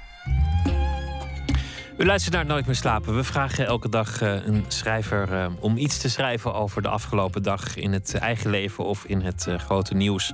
Maarten Doorman is filosoof, dichter en essayist. Schreef boeken als Rousseau en ik, De Romantische Orde en Je kunt bellen. Goedenacht, Maarten. Goedenacht, Pieter. Je hebt het al eens eerder gedaan, zo'n week, een beschouwing bij de voorbije dag schrijven. Dus je kent het procedé. Wat was Ja, het voor dag? Ehm, je bedoelt dat het, wat mijn dag was? Nou, of de dag in de wereld. Hoe zal deze dag in jouw Ja, geheugen Ja, beklijven? nou, dit was een, een dag waarin ik veel, eh, waarop ik veel in de trein zat. Want ik ben vandaag eh, vanuit Amsterdam naar Maastricht gereden en s'avonds weer terug. Waar ik soms les geef. Ehm, en dat is altijd ontzettend fijn. Dan kan ik de krant lezen en Die trein is op een bepaalde manier altijd zo heerlijk rustig. Je zit in een, in een, in een soort niks overal tussenin. Ehm, en daarna heb ik eerst wat gegeten met een vriend. En toen ben ik weer teruggereden. Dat is dus zoals de dag misschien in mijn geheugen blijft. Een dag in de trein uh, uitkijkend over het landschap van, van Nederland. En intussen een boek lezen of iets anders of de krant. Ja, en kranten. Ik ben, een, ik ben een verwoede krantenlezer. Dat vind ik heerlijk. Ik neem altijd voor om dan allerlei uh, werk te gaan doen in de trein, wat ik moet doen. En uh, dan heel even de kranten lezen. Maar dan uh, ergens bij Eindhoven, dan ben ik nog steeds de kranten aan het lezen. Of ik zit uh, een beetje zinloos naar buiten te kijken. En dan plotseling schrik ik op en dan moet ik in een uurtje nog al mijn werk doen. En dan lukt dat ook meestal wel weer. Wat was er in de krant dat je is bijgebleven vandaag? Het nou ging ja, veel de... over Zwarte Piet. Precies, ja, eigenlijk de krant stond daar nog vol van. Ehm, de krant is altijd wat, wat trager natuurlijk dan, dan de andere media, maar... Um, het, het, was, het was heel veel zwarte pieten nieuws. En anders dan de meeste mensen zeggen, namelijk dat hebben we nu allemaal wel gehad en daarover is alles gezegd, vind ik dat helemaal niet. Ik vind dat eigenlijk een... Uh, het is een ontzettend mooi onderwerp, omdat er zoveel samenkomt aan nationale traditie, aan tolerantie, uh, aan, de, aan de ruimte over, over dit, die, dit soort gesprekken hebben. Maar, uh, maar voor jou als filosoof, hè? Want, want ja. een essayist wat hier eigenlijk bewezen wordt, is dat aan, aan beide kanten zo onvoorstelbaar slecht gediscussieerd wordt. Ja. Dat de, ja. de argumenten, ik, ik hoor van, en dan niet alleen uh, op internetfora, maar ook van, van politici en, en andere prominenten, hoor ik zulke irrelevante onzinargumenten die er niks mee te maken hebben. Zo van, iemand zei, de moord op Martin Luther King is ook nog niet opgelost. Ja, ja. Dat is geen, wat heeft dat ermee te maken? Of iemand zei, bij mij thuis was Sinterklaas altijd heel gezellig. Is ook leuk, maar... ja zijn we met z'n allen discussiëren verleerd? Is dat het probleem? Nou, weet je Pieter, dat is natuurlijk wel zo. Dat, uh, de, die, het niveau van de discussies is niet zo hoog en dat is jammer. Maar tegelijkertijd heb ik het gevoel dat al die dingen er ook wel mee te maken hebben. Want uh, die Zwarte Pieten discussie die leeft enorm. Dus het gaat juist ook heel erg over dat soort uh, gevoelens. Het is ook geen toeval dat in het voetbal bijvoorbeeld de Zwarte Pieten discussie ook nu is Hè, met die selfie van Memphis Depay. En uh, dat Van Persie gisteravond eigenlijk zich daar zo over heeft uitgesproken. De, dan op een gegeven moment broeit echt iets in deze tijd, een soort discussie. En um, dat is ook heel begrijpelijk dat die discussie uh, bloeit. Dat zie, als je wat verder terugkijkt, uh, op een gegeven moment in het oude Rome kwamen talloze Grieken. En toen werd er heel naar tegen die Grieken gedaan. In de 17e eeuw kwamen er een heleboel uh, uh, Brabanders, zoals ze heten, en mensen uit Vlaanderen en anderen naar Amsterdam. Toen werd er ook een tijdje naar tegen gedaan. Dus uh, elke keer als je ziet dat er immigratie toeneemt, zijn er ook een aantal reacties op.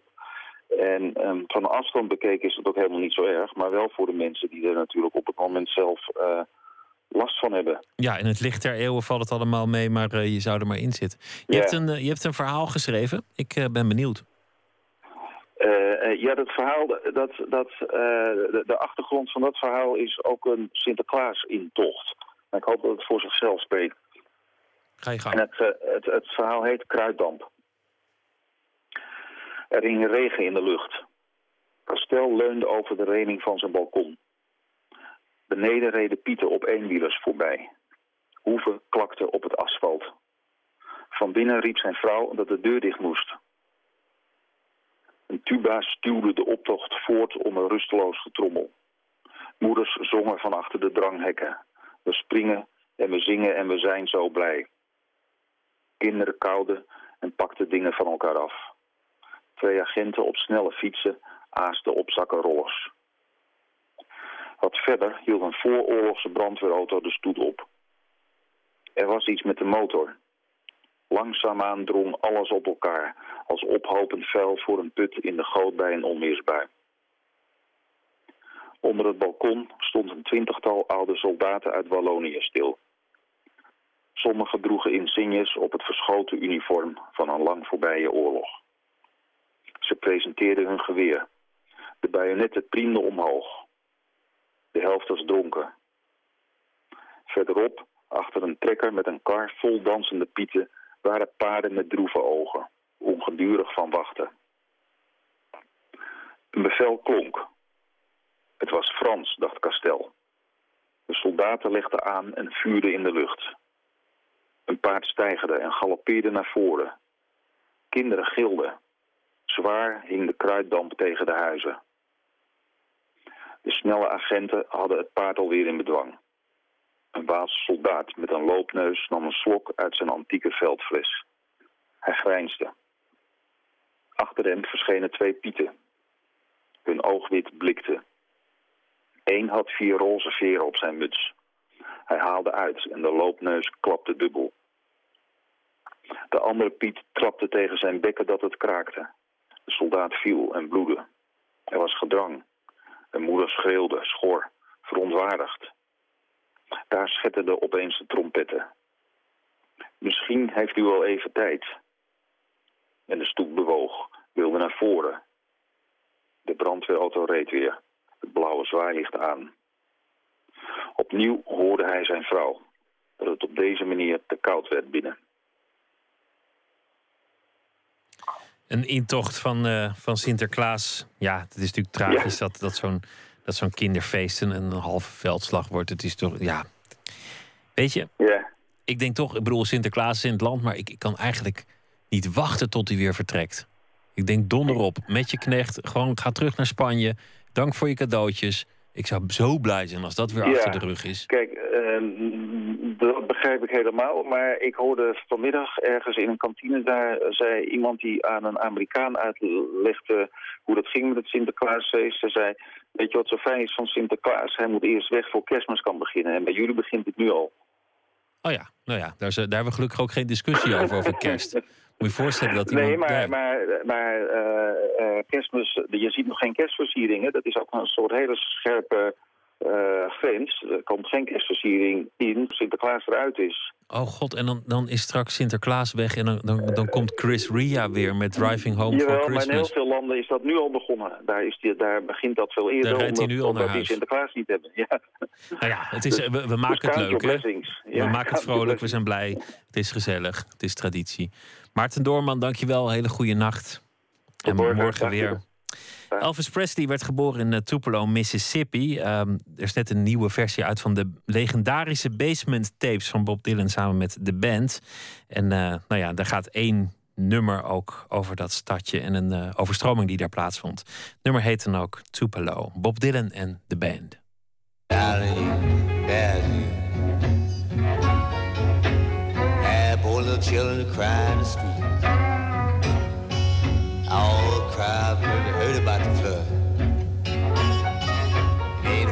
tell you about it.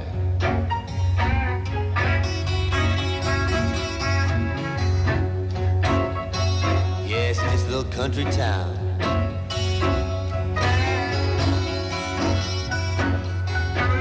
Down Mississippi. That's M I M I S S I S S.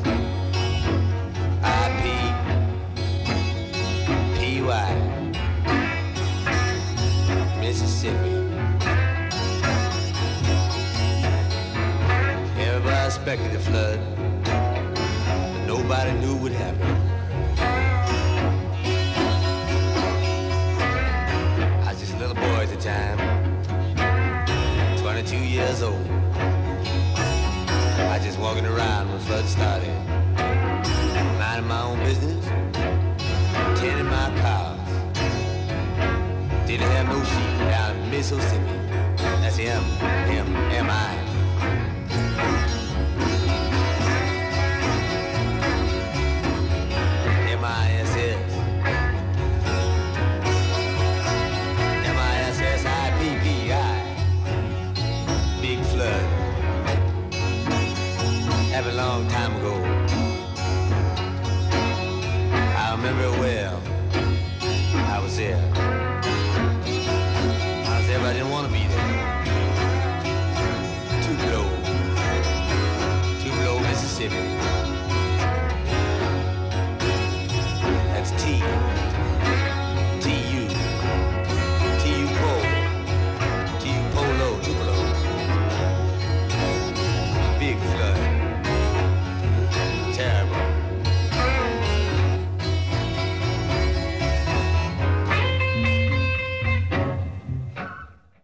Tupelo, Bob Dylan en de band van uh, de nieuw uitgekomen collectie Basement Tapes uit uh, 1967. Nooit meer slapen. De Leidshaagse schrijver Christian Weitz. In zijn boeken komen de hoofdpersonen vaak hard in confrontatie met de harde werkelijkheid. Zijn vooral denkende karakters worstelen in romans als Euforie en artikel 285b alsmaar met een drukdoende wereld. Hij heeft een nieuw boek uit, een nieuwe roman, De Linkshandige. En daarin is dat eigenlijk heel anders. Cartoonist Simon, beter bekend als de gevreesde tekenaar Sink, breekt brusk met zijn krant en trekt erop uit, onverschrokken het onbekende tegemoet. Ons verslaggever sprak met Christian Weits, niet toevallig dat hij zelf linkshandig is, over dat nieuwe boek. Maar we beginnen bij de cartoon die dit allemaal in het boek aan het rollen bracht. Het is gewoon niet grappig, Simon. Ik zie het gewoon niet. Wat valt er niet te zien? Niets aan de voorstelling is onduidelijk. Margaret Stones, CEO van de Britse telecomgigant Stones Middleton... bouwt een hek met prikkeldraad rond Nederland. Ze draagt een SS-uniform. Haar oor is tot monsterlijke proporties uitvergroot... en hangt als een stolp over de inwoners. Met op hun armen getatoeëerde telefoonnummers... die op deze print niet leesbaar zijn, maar wel in het digitale bestand. Haar benen bevinden zich ergens in Frankrijk... en haar vagina hangt boven België, dat al twee jaar eerder in haar imperium is ingelijfd. De bollen van het atomium ketsen tegen haar clitoris, terwijl het glazen koepeldak van het Europese parlement haar penetreert.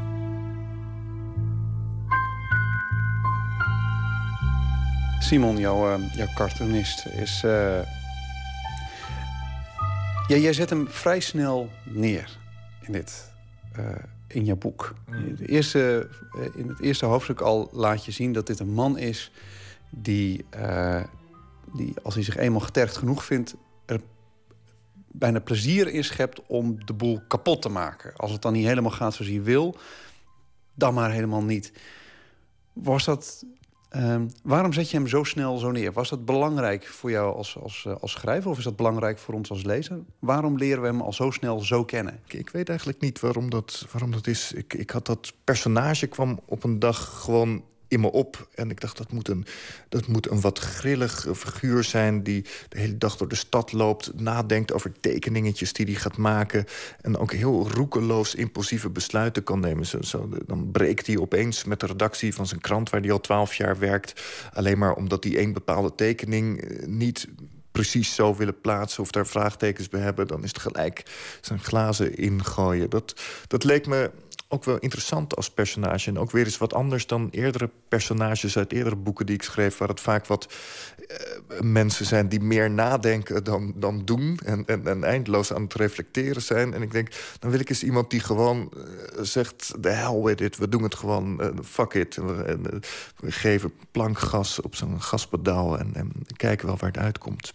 Vind jij hem een goede cartoonist? Nou ja, ik heb wel moeten lachen om sommige van de, de grappen die hij dan, dan maakte... of die tekeningetjes die het maakte. Het is een cartoonist in het genre van het wat meer naar het absurdisme gaat. Kamagurka, Gumba, die, die, die wereld stel ik me er een beetje bij voor. En daar moet ik altijd erg om lachen. En, en om in de stemming te komen van de, de, de, juiste cartoons... ben ik ook uh, daar doorheen gaan bladeren. En ook in het buitenland voorbeelden. En, en, en uh, het is natuurlijk lastig om over een cartoonist te schrijven... want je, je kunt de lezer niet iets laten zien. Dus ik probeer dat wel door steeds schets, dubbele punt... en dan komt er een tekening, tekst, dubbele punt... en dat komt dan steeds terug schets. En dan zie je een vrouwenlichaam door de helft verdeeld... en kronkelend in dat tekst.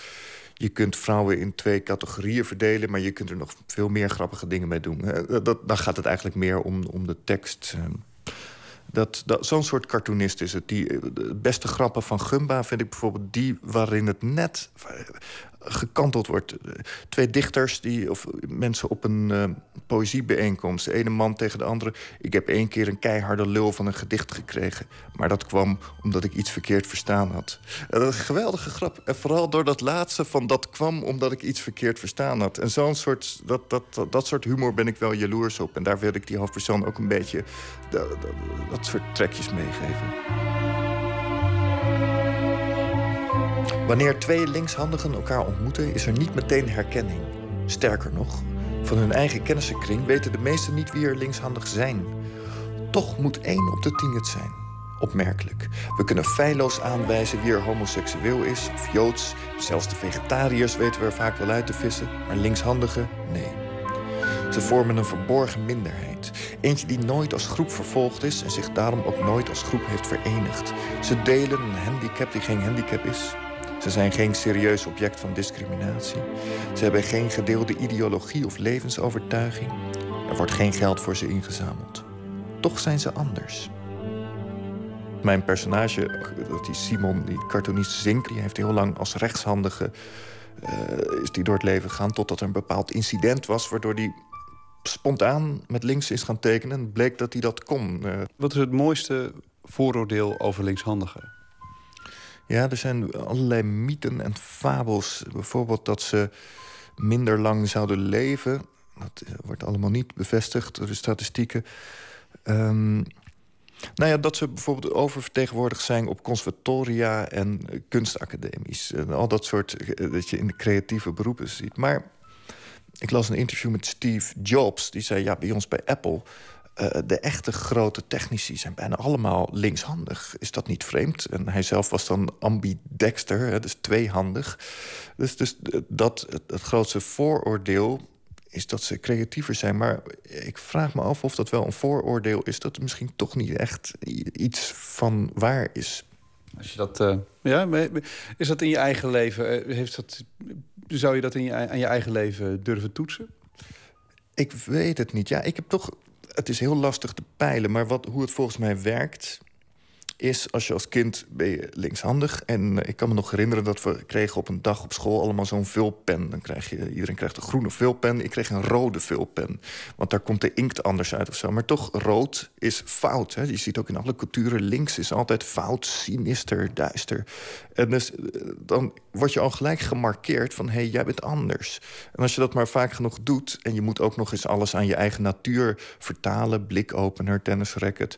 dan denk je dus bij ieder ding van... hé, hey, bij mij is het toch anders. Dus voor mij gelden andere regels. Dus dat creëert in jezelf iets autonooms. Dat je denkt van ja, ik, ik, ik als linkshandige doe het anders. Of dat nou specifiek die linkshandigheid is... dat is wel iets wat die autonomie kan triggeren. Ik denk dat het wel, uh, wel waar is.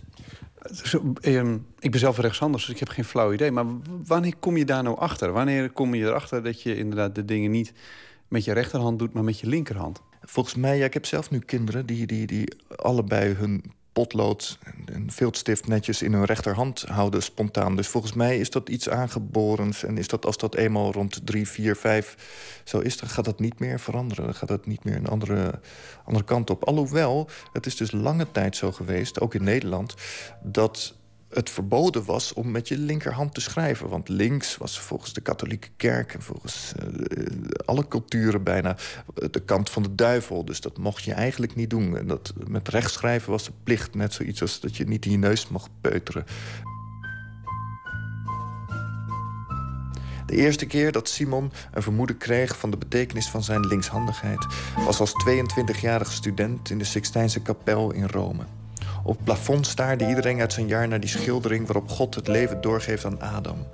Het fresco met de twee vingers is zo bekend dat je wat giechelig wordt als je hem in het echt ziet. Net als bij de Eiffeltoren of tv-gezichten. Nu pas, het was twee jaar na zijn plotselinge coming-out als linkshandige, merkte hij het voor het eerst op. En het inzicht raakte hem als een rondvliegende glassplinter. De docent naast hem vroeg wat er aan de hand was. Simon wees het aan. Met links. Adam krijgt de goddelijke kracht in zijn linkerhand. Het is ook een wat dunner boek dan eerdere werken. Volgens mij, dat zie je bij veel kunstenaars... dat naarmate ze verder komen, wordt het... Uh, kunnen ze in minder woorden meer zeggen. Hè? Dat is een dichtregeltje van Herman de Koning. Ik heb er boeken en vrouwen over gedaan om zo weinig te zeggen. Dat, eh, dat, spreekt me ook wel aan. Dit boek wordt ook naarmate het naar het einde toe gaat... worden die hoofdstukjes steeds korter... totdat het uiteindelijk nog maar een halve pagina is. En eh, de manier waarop die Zink dan aan het tekenen is... hij tekent helemaal niet meer die grappige, groteske karikaturen... maar hij tekent dingen met één lijn. Bijna als zo'n Japanse tekenaar die in één lijn alles neerzet. Een paar streken, zoals Picasso ook aan het eind van zijn leven... een paar lijntjes neerzetten en dan, dan had je alles. Daar, die ontwikkeling vind ik interessant. En dat lijkt alsof dat makkelijk is. Maar daar gaat juist jaren studie aan vooraf om het zo losjes en schijnbaar uit de losse pols eh, te kunnen doen en met zo weinig materiaal.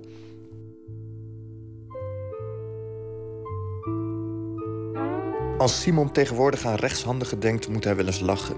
Al die arme, makke schapen. Kijk ze elkaar eens hun rechterpootjes toesteken. Zeker, de linkshandige schudt braaf mee, maar hij schatert het heimelijk uit. De linkshandige zal bij elke opgelegde regel in zichzelf zeggen... voor mij is het anders. Van jongs af aan heeft hij alle instructies en etiketten moeten vertalen naar zijn eigen natuur. Van het hanteren van scharen, blikopeners, tennisrackets en bestek... tot het schudden van de juiste hand. In het verborgene van elke linkshandige groeit een eigenwijs wezen... wiens wereld zich gedraagt naar zelfgemaakte wetten.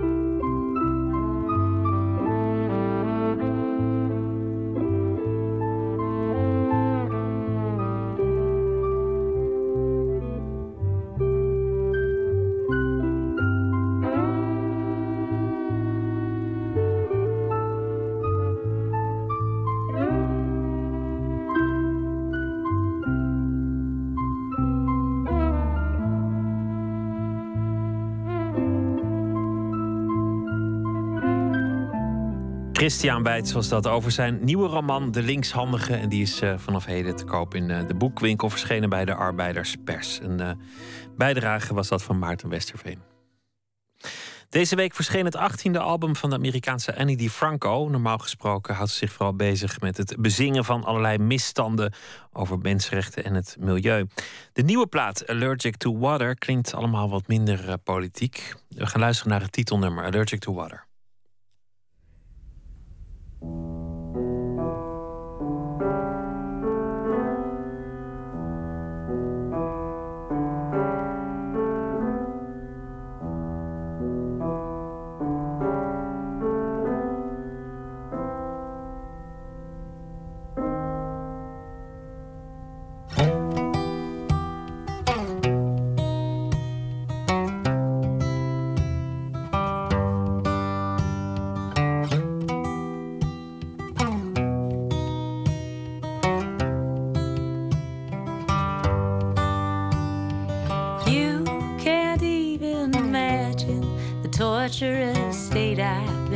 Been existing in. I am allergic to water, it itches my throat and it blisters my skin. Still, I drink cause I have to, I bathe cause I have to, boy, it's a pain. But I don't cry cause it hurts to cry, and I don't go outside.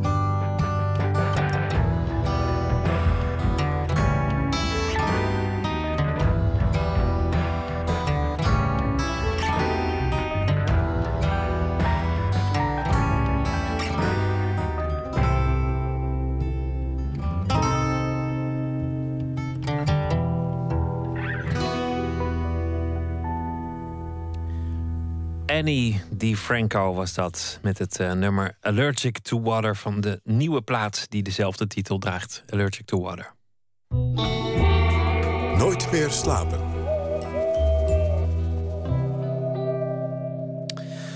Een eh, veilingrecord was in het nieuws vandaag in Parijs. Werken van Man Ray werden eh, onder de hamer gebracht. En 2,7 miljoen euro was de opbrengst. Maar liefst een ton meer dan de meest optimistische schatting van de veilingmeesters. En dat nieuwtje staat niet op zichzelf. Want hoe is het eigenlijk mogelijk dat in tijden van crisis. die uh, hoos op de kunstmarkt maar doorgaat en de prijzen nog steeds de pan uitreizen? Anton de Goede is onze nachtcorrespondent. Goedenacht, Anton. Ja, goeienacht, Pieter. Maar en hij is eigenlijk één... Ja? Ja, ja, ik was allereerst benieuwd of het, of het eigenlijk mooie werken waren van Man Ray. Of, of het het waard was. Ehm, ik weet niet, ik heb het niet gezien. Het ging bijvoorbeeld over het schilderij Much Ado About Nothing. Ehm vooraf geschat op 60 tot 80.000 euro. Bracht op 187.500 euro. En er was ook Man Ray's pijp met een glazen luchtbel... en het opschrift Sukke mank à nous toe, wat ons allen ontbreekt. Ja, ik heb het niet gezien, maar ongetwijfeld mooi... van die beetje surrealistische kunst. En een Maar ja, kunstenaar die die, bedragen. steeds. Ja, wat een bedrag. hè? Ja. Een kunstenaar die steeds bekender wordt, steeds gewilder, steeds geliefder. Dus er wordt misschien ook wel gespeculeerd. Maar hoe is de, de, Ongetwijfeld. de vraag die jij eigenlijk wilde beantwoorden vannacht is: hoe is het mogelijk dat terwijl iedereen overal bezuinigt en overal eigenlijk de prijzen wat dalen, het in die kunst de afgelopen 7, 8 jaar maar gewoon door is gegaan? Ja, exact. En er is één man in Nederland die die vraag het best kan beantwoorden. En dat is Willem Baars, kunsthistoricus. Die werkt als taxateur, consultant, als galeriehouder en publicist. Hij schrijft onder andere voor het Financieel Dagblad en Vrij Nederland. En hij schreef een paar jaar geleden een boek met als titel precies deze vraag: Wie bepaalt de waarde van kunst? Ik zocht hem vanmiddag op in zijn Amsterdamse galerie. En hij zei: Die veiling van Man Ray is natuurlijk maar kinderspel in vergelijking met wat er vorige week in de Verenigde Staten is geveild. Hij liet mij een kolossale veilingscatalogus zien. 2,3 kilo, 6 centimeter dik. En niet meer dan 80 werken worden, er, worden zeg maar te koop aangeboden. Dit was de avondveiling van 12 november. De belangrijkste veiling van het jaar. Christie's is echt marktleider op dit moment. Sotheby's loopt daar achteraan. En deze veiling heeft het onwaarschijnlijke bedrag van 853 miljoen dollar opgebracht. Ja, dat is een veilingrecord. Dat heeft nog nooit een veiling op, één veiling opgebracht. Dat is natuurlijk echt, als je het langzaam uitspreekt, onwaarschijnlijk. 853 miljoen dollar, Pieter. Dat is dus bijna een miljard. En het ging om 80 werken. Wat zat daarbij? We hebben het in de krant ook kunnen lezen. Andy Warhol. ehm, met bijvoorbeeld eh, Marlon Brando en Elvis, beide uit 1964, door Christie's ooit omschreven als de heilige graal. Die twee werken brachten samen bijna 150 miljoen dollar op. Ehm, ja, en het is een kwestie van eraan wennen. Een Rotko werd geveild voor 60 miljoen, een Willem de Koning 50 miljoen. Ik vroeg aan Willem Baars, was er niet een paar jaar geleden een financiële crisis die overal nog behoorlijk naeilt? Willem Baars. Nee, er was een crisis, een financiële crisis. Maar die crisis heeft eigenlijk de kunstmarkt overgeslagen. Zeker in dat topsegment. Dat klopt ook wel, want je hoeft alleen maar de Forbes of de Quote 500 erop na te slaan... om te weten dat de allerrijkste op deze planeet ook tijdens de crisis alleen maar rijker zijn geworden. En kunst is het ultieme hebben dingetje, luxe product... voor de allerrijkste op deze aarde om echt te willen hebben. Dat zijn hun trofeeën. En ja, als zij ieder jaar meer geld op hun bankrekening hebben... en zij willen die trofeeën echt hebben... ja, dan is het niet raar dat die prijzen van de, van, voor dat soort topstukken... alleen maar hoger zijn geworden. En dat is eigenlijk wat er aan de hand is de afgelopen vier, vijf jaar. Het is niet vanaf... Het is niet dat het nu is of vorig jaar. Het is gewoon een, een trend die eigenlijk is ingezet... op het moment dat die crisis er was. De rijken worden rijker... En ja, de kloof wordt groter. Ja, nou ja, en dit is een heel mooi voorbeeld daarvan. Dat, die hele, dat de allerrijkste, de uberrijken op deze planeet... ja, nou, ik zou bijna zeggen vanuit verveling... dan maar op veilingen gaan zitten en dan maar tegen elkaar gaan opbieden. En daar 60 miljoen, 70 miljoen, het maakt niet uit. Het is gewoon een avondje uit in New York. En daar wordt dan met tientallen miljoenen tegelijk wordt daar, uh, wordt daar geboden. Ja, het uh, Thomas Piketty-verhaal, uh, Anton de Goede, de, de ongelijkheid groeit. Ik las van, van het weekend in de, de New York Times dat binnenkort het punt nadert dat in de Verenigde Staten de, de rijkste 0,1% evenveel vermogen heeft als de armste 90% van de samenleving al daar. Dat denken ze met een uh, jaartje of tien te, te zullen overschrijden, dat punt. Ja, en dat geld moet natuurlijk ergens aan op als je zo rijk bent. Is dat de verklaring? Nou ja, dat is dus uh, een, een, deel van de verklaring. En wat de kunst betreft, het, het, het, is bitter. Uh, bij die veilingen legt nou niemand ooit eens uit waarom die schilderijen zo goed zijn. Het geld heeft het overgenomen van de kunstgeschiedenis. En als je kortom vraagt wie bepaalt de waarde van de kunst, waarmee we net begonnen, dan luidt het antwoord de markt. En volgens Willem Baars gaat die ontwikkeling nog wel even door. Mijn voorspelling is dat dat eigenlijk in dat topsegment voorlopig nog niet ophoudt. Want ja, ik zie ook geen verzwakkingen in de, in, in de wereldeconomie die erop duiden dat daar verandering in zou komen. En wat natuurlijk heel erg belangrijk is, is dat de, de rente laag is. Kijk, zolang die rente heel laag blijft, is het voor de allerrijkste natuurlijk.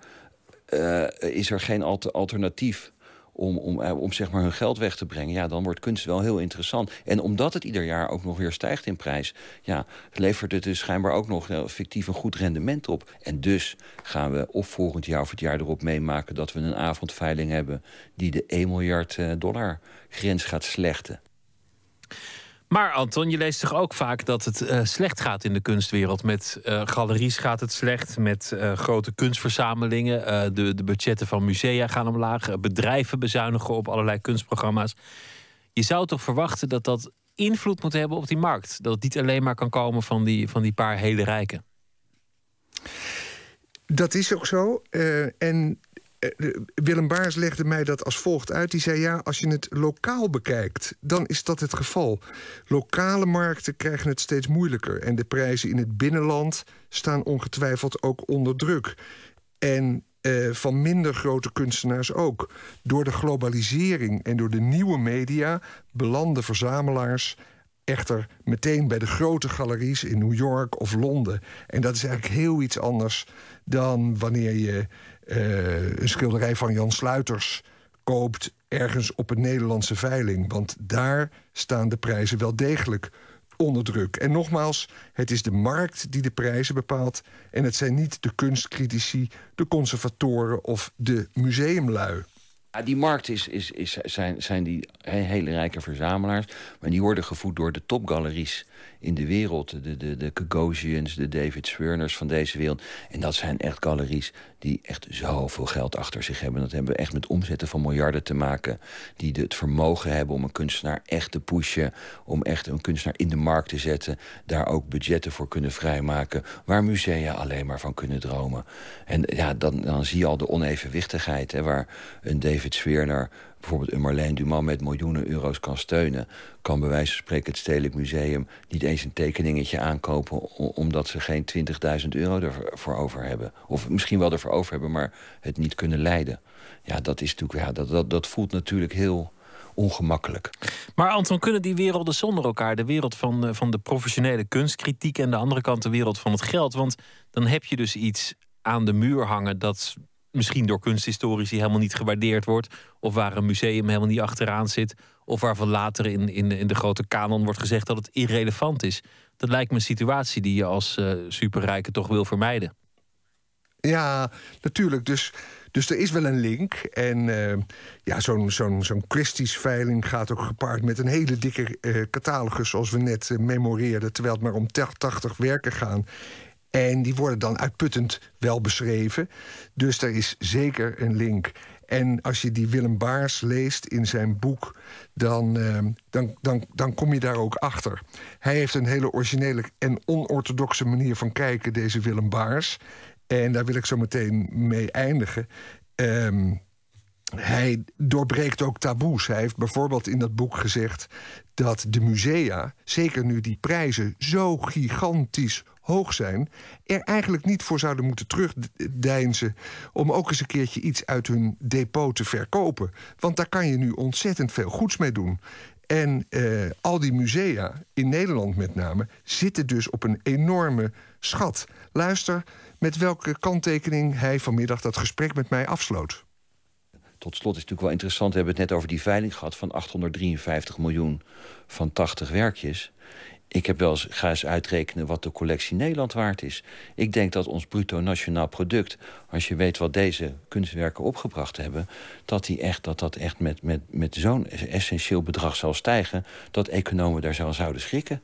Ik denk, zo hebben we nog nooit naar gekeken. Maar tel Kruller-Muller en het Van Gogh Museum is bij elkaar op. Dat is een paar maal de begroting van, van, van, van een jaar.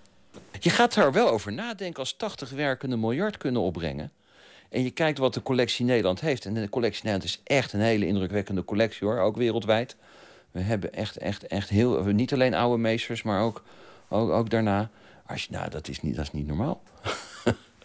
Breng mensen maar niet op een idee. Nee, nou, nou, ja, nee, maar er valt verder niks met die werken te doen. Behalve er naar te kijken en, en, en van te genieten. Maar ja, daar zit, daar zit wel. Uh, stel dat het nou ooit helemaal fout gaat in Nederland. Hè, dat de economie. Dat we, dat we dreigen af te zakken naar een heel bedenkelijk niveau. Ja, dan hebben we altijd nog die kunst die ons kan redden. Een uh, opmerkelijk betoog van uh, Willem Baars was dat. Anton de Goede,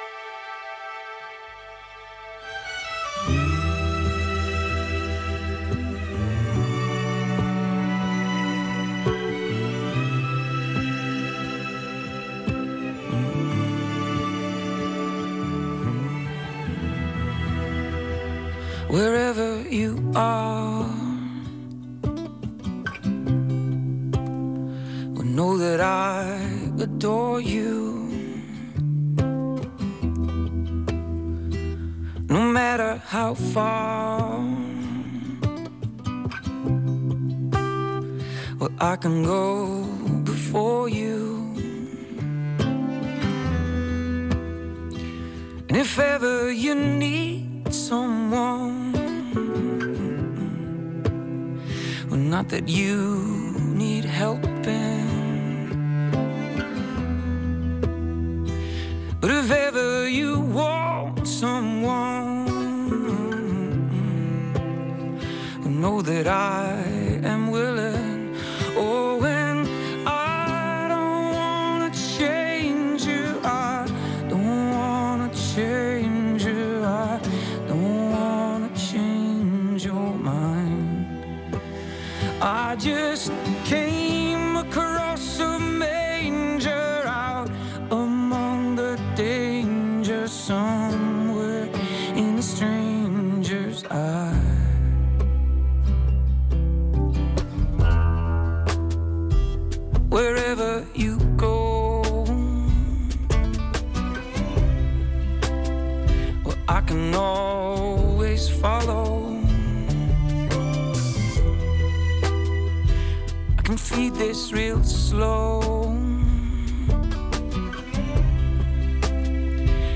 a lot to swallow.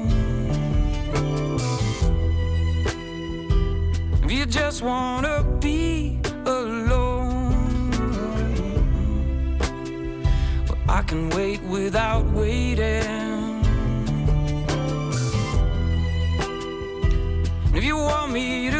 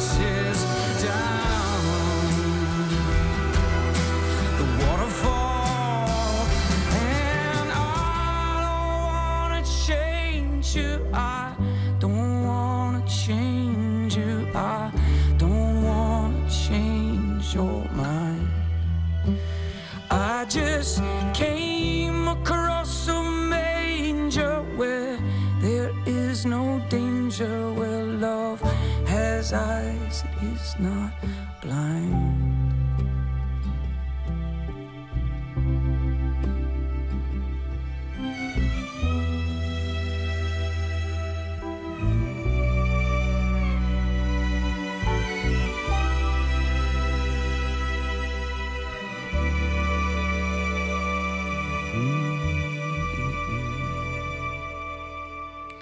Damien Rice was dat. Trad eh, nog niet zo lang geleden op in een uitverkocht carré. Eh, komt uit Ierland. Heeft een eh, nieuw album, My Favorite Faded Fantasy. En dit nummer heette I Don't Want to Change You. Nooit meer slapen. In de Willem II-fabriek in Serthogenbos laat de Rotterdamse kunstenaar Sandro Setola momenteel werk zien uit zijn Beach House-serie. Een reeks tekeningen en sculpturen over een grot of schelpachtig bouwsel aan zee. Setola vertelde erover aan onze verslaggever Gijsbert van der Wal.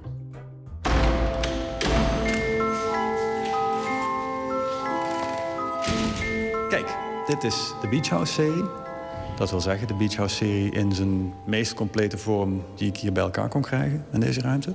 We staan hier in een eh, oud-industrieel pand, de Willem II-fabriek. Onlangs helemaal gerenoveerd. Dat is een sigarenfabriek. Sigarenfabriek, ja. En nu is het de kunstfabriek.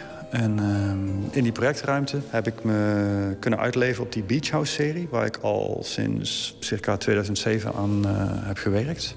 En het overzicht bestaat uit tekeningen en beelden. De tekeningen zijn heel divers, van formaat, van kleur, van atmosfeer. Het zijn eigenlijk een soort... ehm eh, iemand heeft het wel eens vergeleken met een soort filmstils.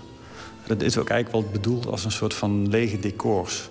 voor een film die misschien nog gemaakt moet eh, worden. Het, zijn allemaal, het verbeeldt allemaal plekken, imaginaire plekken... waar je je van kunt, zou kunnen voorstellen dat je erin loopt... en dat er zich dan iets afspeelt. Precies. Het is een leeg gebouw eigenlijk. Ik noem het een gebouw. Sommige mensen zullen dat misschien niet direct als gebouw herkennen. En het is eigenlijk een, eh, een, een gedroomd gebouw, letterlijk. Omdat ik eh, ooit in een droom dit gebouw heb gezien en betreden en er, ervaren heb, zeg maar. En eigenlijk bij ontwaken direct wist van... wauw, het ding heeft ontzettend veel potentieel en associaties aan eh, thematiek waar ik al sowieso altijd mee bezig was. Dus uh, sterfte, groei, uh, heel organische architectuur. Beschrijf het eens even. Wij staan er namelijk tussen, tussen die tekeningen... maar de luisteraar heeft geen idee. Ja.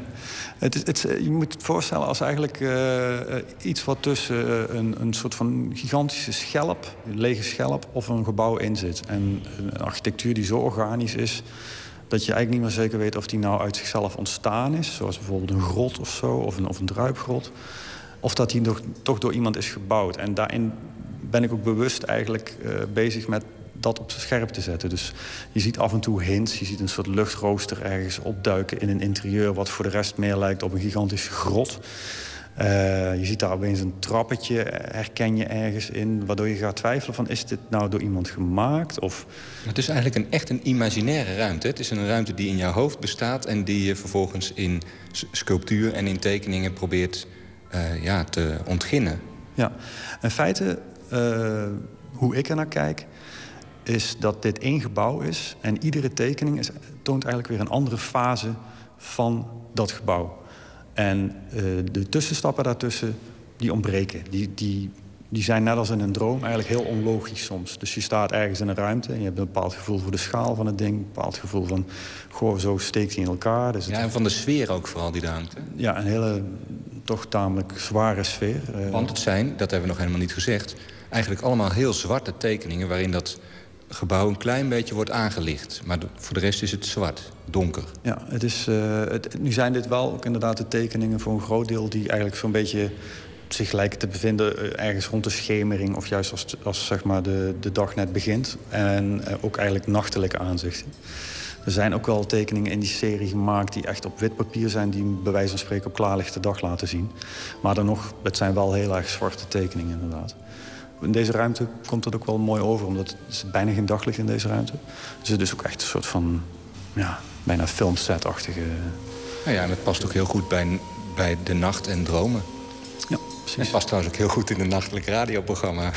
ja, nou, oké, okay, ja. ja. Het is helaas niet s'nachts open, dat is nou misschien wel jammer.